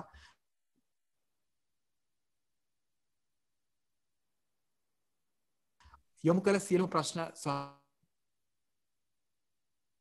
මොකද මාත පැහැදිලි නෑ මාත්‍ය ස්වාමින් වහන්සේ යොමු කිරීමට අපිට නොහැකි වුණත් ගැඹුරු පිළිතුරු හරහා අපොරොත්තු වෙනවා. එසේ නොලැබුණු ප්‍රශ්න එසේ නොලැබුණු ප්‍රශ්න අපට පුළුවන් ඉදිරි වැඩසටහනකදී ඉදිරිපත් කරන්නට. ඒ නිසා ස්වාමින් වහන්ස වැඩසටහන ධර්ම සාකච්ඡා මෙතකින් අවසන් කරන්නට වහන්සේ පුුණ්‍යානුමෝදනාව කරන්න බොහොමත්ම ගෞරවයෙන් ආරාධනා කර සිටිනා ස්වාමී පින්වතුන් අප්‍රමාණ සතුට පත්වෙන්න මේ මෝතේ පැයකා මාරක වැනි කාලයක් මේ සුන්දර ධර්ම සාකච්ඡාව ස්වනය කරලා ජීවිතය තුළින් අප්‍රමාණුන් සැනසිල්ලක් අත් කරගත්ත. නිසා කල්පන කරන්න මේ රැස් කරගත්තා වූ සෑම පිනක්ම ඒ බුදුගල්ලෙන ආරන්න සේනාසනයේ අතිගෞරුවනය නායක සාමීන් වහන්සේ වන උඩුවර දම්මරක්කිත ගෞරුවනය නායක සාමීන් වහන්සේටත් ඒගේම ගෞරුවනීය ප්‍රාන්තුකල බුද්ධවන්ස සියලූම ගෞරුවනය සාමීන් වහන්සේලාටත් ඒ වගේම මේ සුබ සිංහල අලුත් අවුරුද්දක් උදාවන මොහොතේ ඒ උත්තරීතර මහානායක සාමීන් වහන්සේලා ඇතුළු සියලූම වන්දනිය මහා සංගරත්නයටත් මේ පින් නිදුක් නීරෝගේ සුවපත්භාවය දීර්ඝායශ පිණිස හේතුවේවා ලැබවා වූ මේ සිංහල අලුත් අවුරුද්ධ නිදුක් නීරෝගේ සුවපත්භාවය දීර්ඝායශත් උතුම් චතුරාර් සත ධර්මයන්ගේ අර්ථය තව තවත් වැඩෙන ධර්මය අර්ථයන් වැඩෙන සුන්දර සිංහල අලුත් අවුරුද්දක් වේවා කියල සාදු කියන්න සාධ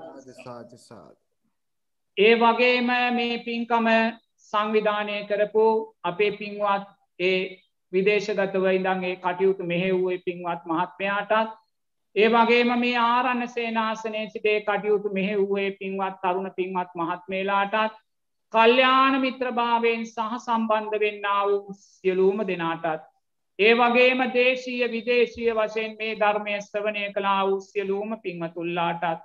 දැකබලා සතුරුනා වූ සියලු දෙනාටත් ගම්වාසී රටවාසී සියල් දෙනාටත් මේ පින් නිදුක් නීරෝගේ සුවපත්භාවය දීර්ඝායශ පිණිසම හේතුවේවා ලැබවා වූ මේ සිංහල අලුත් අවුරුද්ධ පින්වතුල්ලා සියලූම දෙනාට නිදුක් නීරෝගේ සුවපත්භාවය දීර්ඝාශත් තම තමන්ගේ පැතුම් ප්‍රාර්ථනායේ ආකාරයෙන් ඉස්ස සිද්ධ වෙන ධර්මය අර්ථයන් වැඩෙන වසරක් වේවා කියල සාදු කියන්න.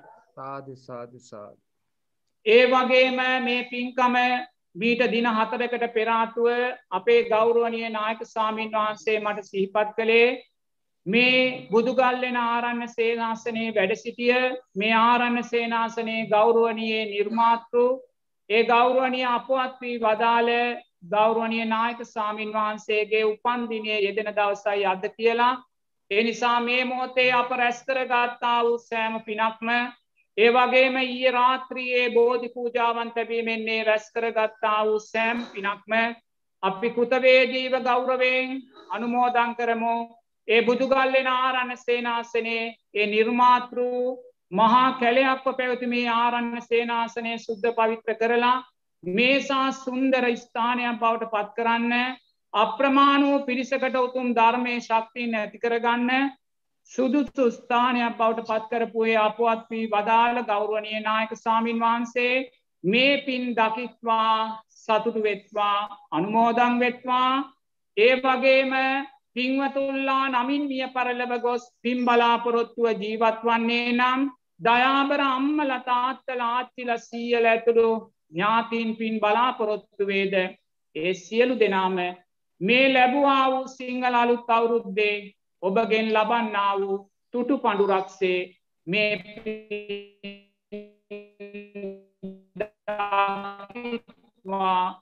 සතුටු වෙත්වා අපවත් වී වදාළ ගෞරවනය නායක සාමීන් වහන්සේගේ රුවගුණත් පින්වතුල්ලා නමින් මිය පරලව ගොස් පින් බලාපොරොත්තුවේ නම් එ මව්පියන්ගේ රුවගුණත් ඒ වගේ අපේ ගෞරුවනීය නායක සාමීන් වහන්සේගේ නමින් මිය ගිය දයාබර මව්පිය දෙපලත් මේ පින් දකිත්වා සතුටු වෙත්වා අනුමෝදං වෙත්වා කියලා ඉදම් මේ ඥාතේ නංගෝතු ගාථාව ශබ්දන කළ කියන්නේ.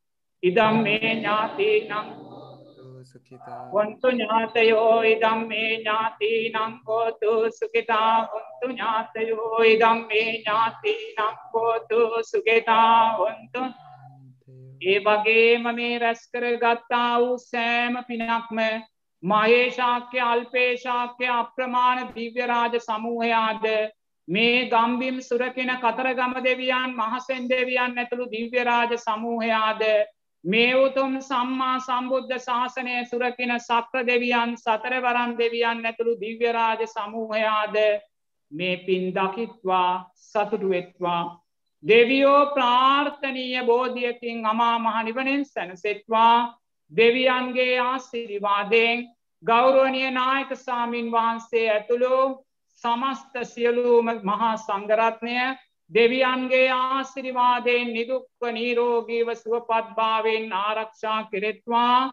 පින්ගන්නා වූ දෙවියන්ගේ ආසිරිවාදයෙන් ගිහි පින්වතුල්ලා කරන කියන ව්‍යාපාර රැකී රක්ෂා දවා දරුවන්ගේ කටයුතුවේ නම් පින්ගන්නා වූ දෙවියන්ගේ ආස්සිරිවාදයෙන් ඒවා සස්ත්‍රීක භාවයට පත්වේවා සෞභාග්‍යමත් භාවයට පත්වේවා කියලා දෙවියන්ටත් මේ පිනානුමෝදන් කරන්න එත් එත්තාවචාච අම්මේහි කියලා එත්තාවචාච අම්මේහි සම්පදම් පුුණ්්‍ය සබේ දේවානුමෝදන්තු සප්ප සම්පත්ති සිද්ධියා එත්තාවචාට පදම් පුුණ්්‍ය සම්පදන් සබේ භූතානුමෝදන්තු සප්ප සම්පත්ති සිද්ධියා එත්තාවචාට සම්පදම් පුුණ්්‍ය සම්පදන් සබේ සත්තානුමෝදන්තු සප්ප සම්පත්ති පින්වතුනේ පින්වතුල්ලා සියලූම දෙනාට දේශය වසයෙන් විදේශය වසයෙන් මේ වැඩ සටාන ස්්‍රවනය කලා උස්්‍යලූම දෙනාටත්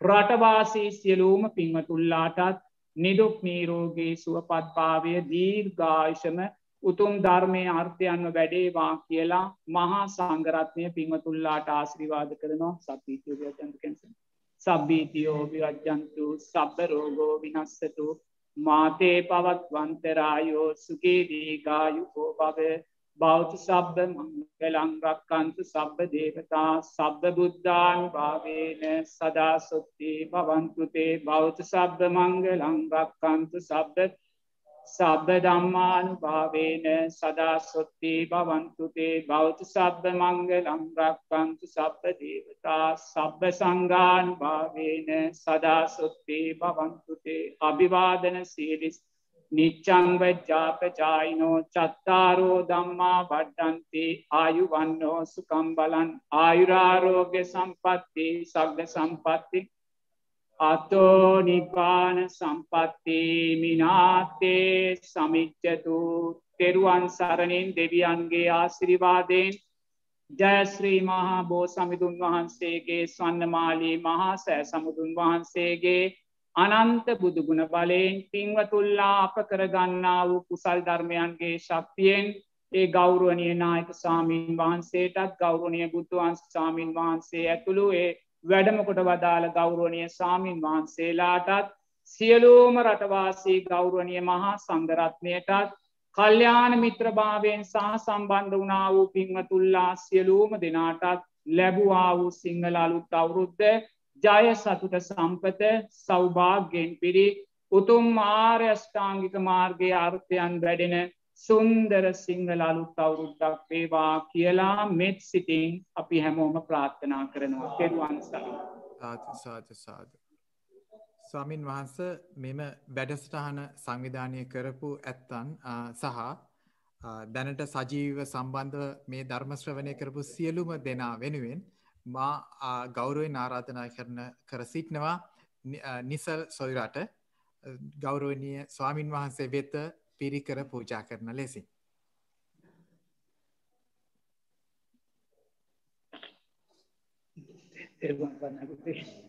මහා සංඝරත්නය අරමුණු කරගෙන ඒ පිරිකර පූජාවන් සිද්ධ කිරීමෙන් රැස් කරගත්තා වූ පින් ඒ විදේශගතුව ජීවත්වනේ සියලූම පින්වතුල්ලාටත් ඒ කටයුතු සංවිධානය කරු ගෞරවනය බුදුවන් ස්වාමීන් වහන්සේ පින්වත් නායක සාමීන් වහන්සේ ඇතුළ සියලූම ස්වාමීන් වහන්සේලාටත් ඒ ගිහි පින්වතුල්ලාටත් මේ පින් නිදුක් නීරෝගේ සුවපත්භාවය දීර්ගායශ පින්සම හේතු වේවා. තෙරුවන් සරණ තෙරුවන් සරණ මාත්‍ය. ගොඩා පින් ඈ. තෙරුවන් සරණ තෙරුවන් සරණ ස්වාමීන් වහන්සේ. තෙරුවන් සරණ සුවපත් වේවා. දීර්ඝායස රාජකිරිය අරිඥාන ස්වාමින් වහන්ස මම ඔබවහන්සේ නැවත පාදාභිවන්දනෙන් යුතුව වන්දනා කරනවා. අපට අප කෙරේ බොහොමත්ම කරුණාවෙන් අද දවසෙත් තුන්වන වරට සදහම් වැස්ස ධර්මසාකච්ඡා පැවැත්වීමෙන් ඔබවහන්සේ රැස් කරගත්තා වූ පින් ඔබවහන්සේගේ නිදුක් නිරෝගී භාවයටම හේතු වාසනා වේවා කියා බොහොමත්ම ගෞරවෙන් ප්‍රාර්ථනා කර සිටිනවා. ස්වාමින් වහන්සේ සජීව සම්බන්ධව සියලුම ඇත්තන්ට අද නව සුබ නවවසරේ මාහිතනවා ඔබ සියලු දෙනාටම ඉතාමත්ම වටිනා අවුරුදු තෑග්ගක් ලැබුණේ. ධර්මානුකූලව ජීවිතය ගෙවන්නේ කෙසේද? යන්න හෝරා එක හමාරක පමණ කාලයක් තුරාවට ඉතාමත්ම විචිත්‍ර ධර්මදේශනාවක් ධර්ම සාකච්ඡාවක් ලෙසින් ඔබට ශ්‍රවණය කරන්නට ලැබුණා. එය සංවිධානය කළ ඇත්තන්ට ඒ එහි පිනත් එහි සතුටත් වාර්තමින් අපි අද දවසේ වැඩසටහන් මෙතකින් නිමාවට ප ඔබ සැමට තෙරුවන් සන්න ජය සතිට සම්පත සෞභාග්‍ය පිරිවසරත් වේවා. මව් දෙමාපියන්ටත් මේ පින් අයිති වෙනවා. ගොඩාක් පින් ඈ දීර්ඝායුෂ එන්න පුතේ කවුද මහත්තයෙක් ගාවනේ කට පිළිවෙත තෙරුවන් සරණයි දරුවෝ මේ ආෂ්ට පරිස්කාර පූජාව පින්වත් මහත්මයාටත් පවුලේ සිල් දෙනාටත් දැක බලා සතුටු වෙන සිල් දෙනාටත් නිදුක් නිරෝගී සුවපත් භාවයේ ජීවිතාංශ මේ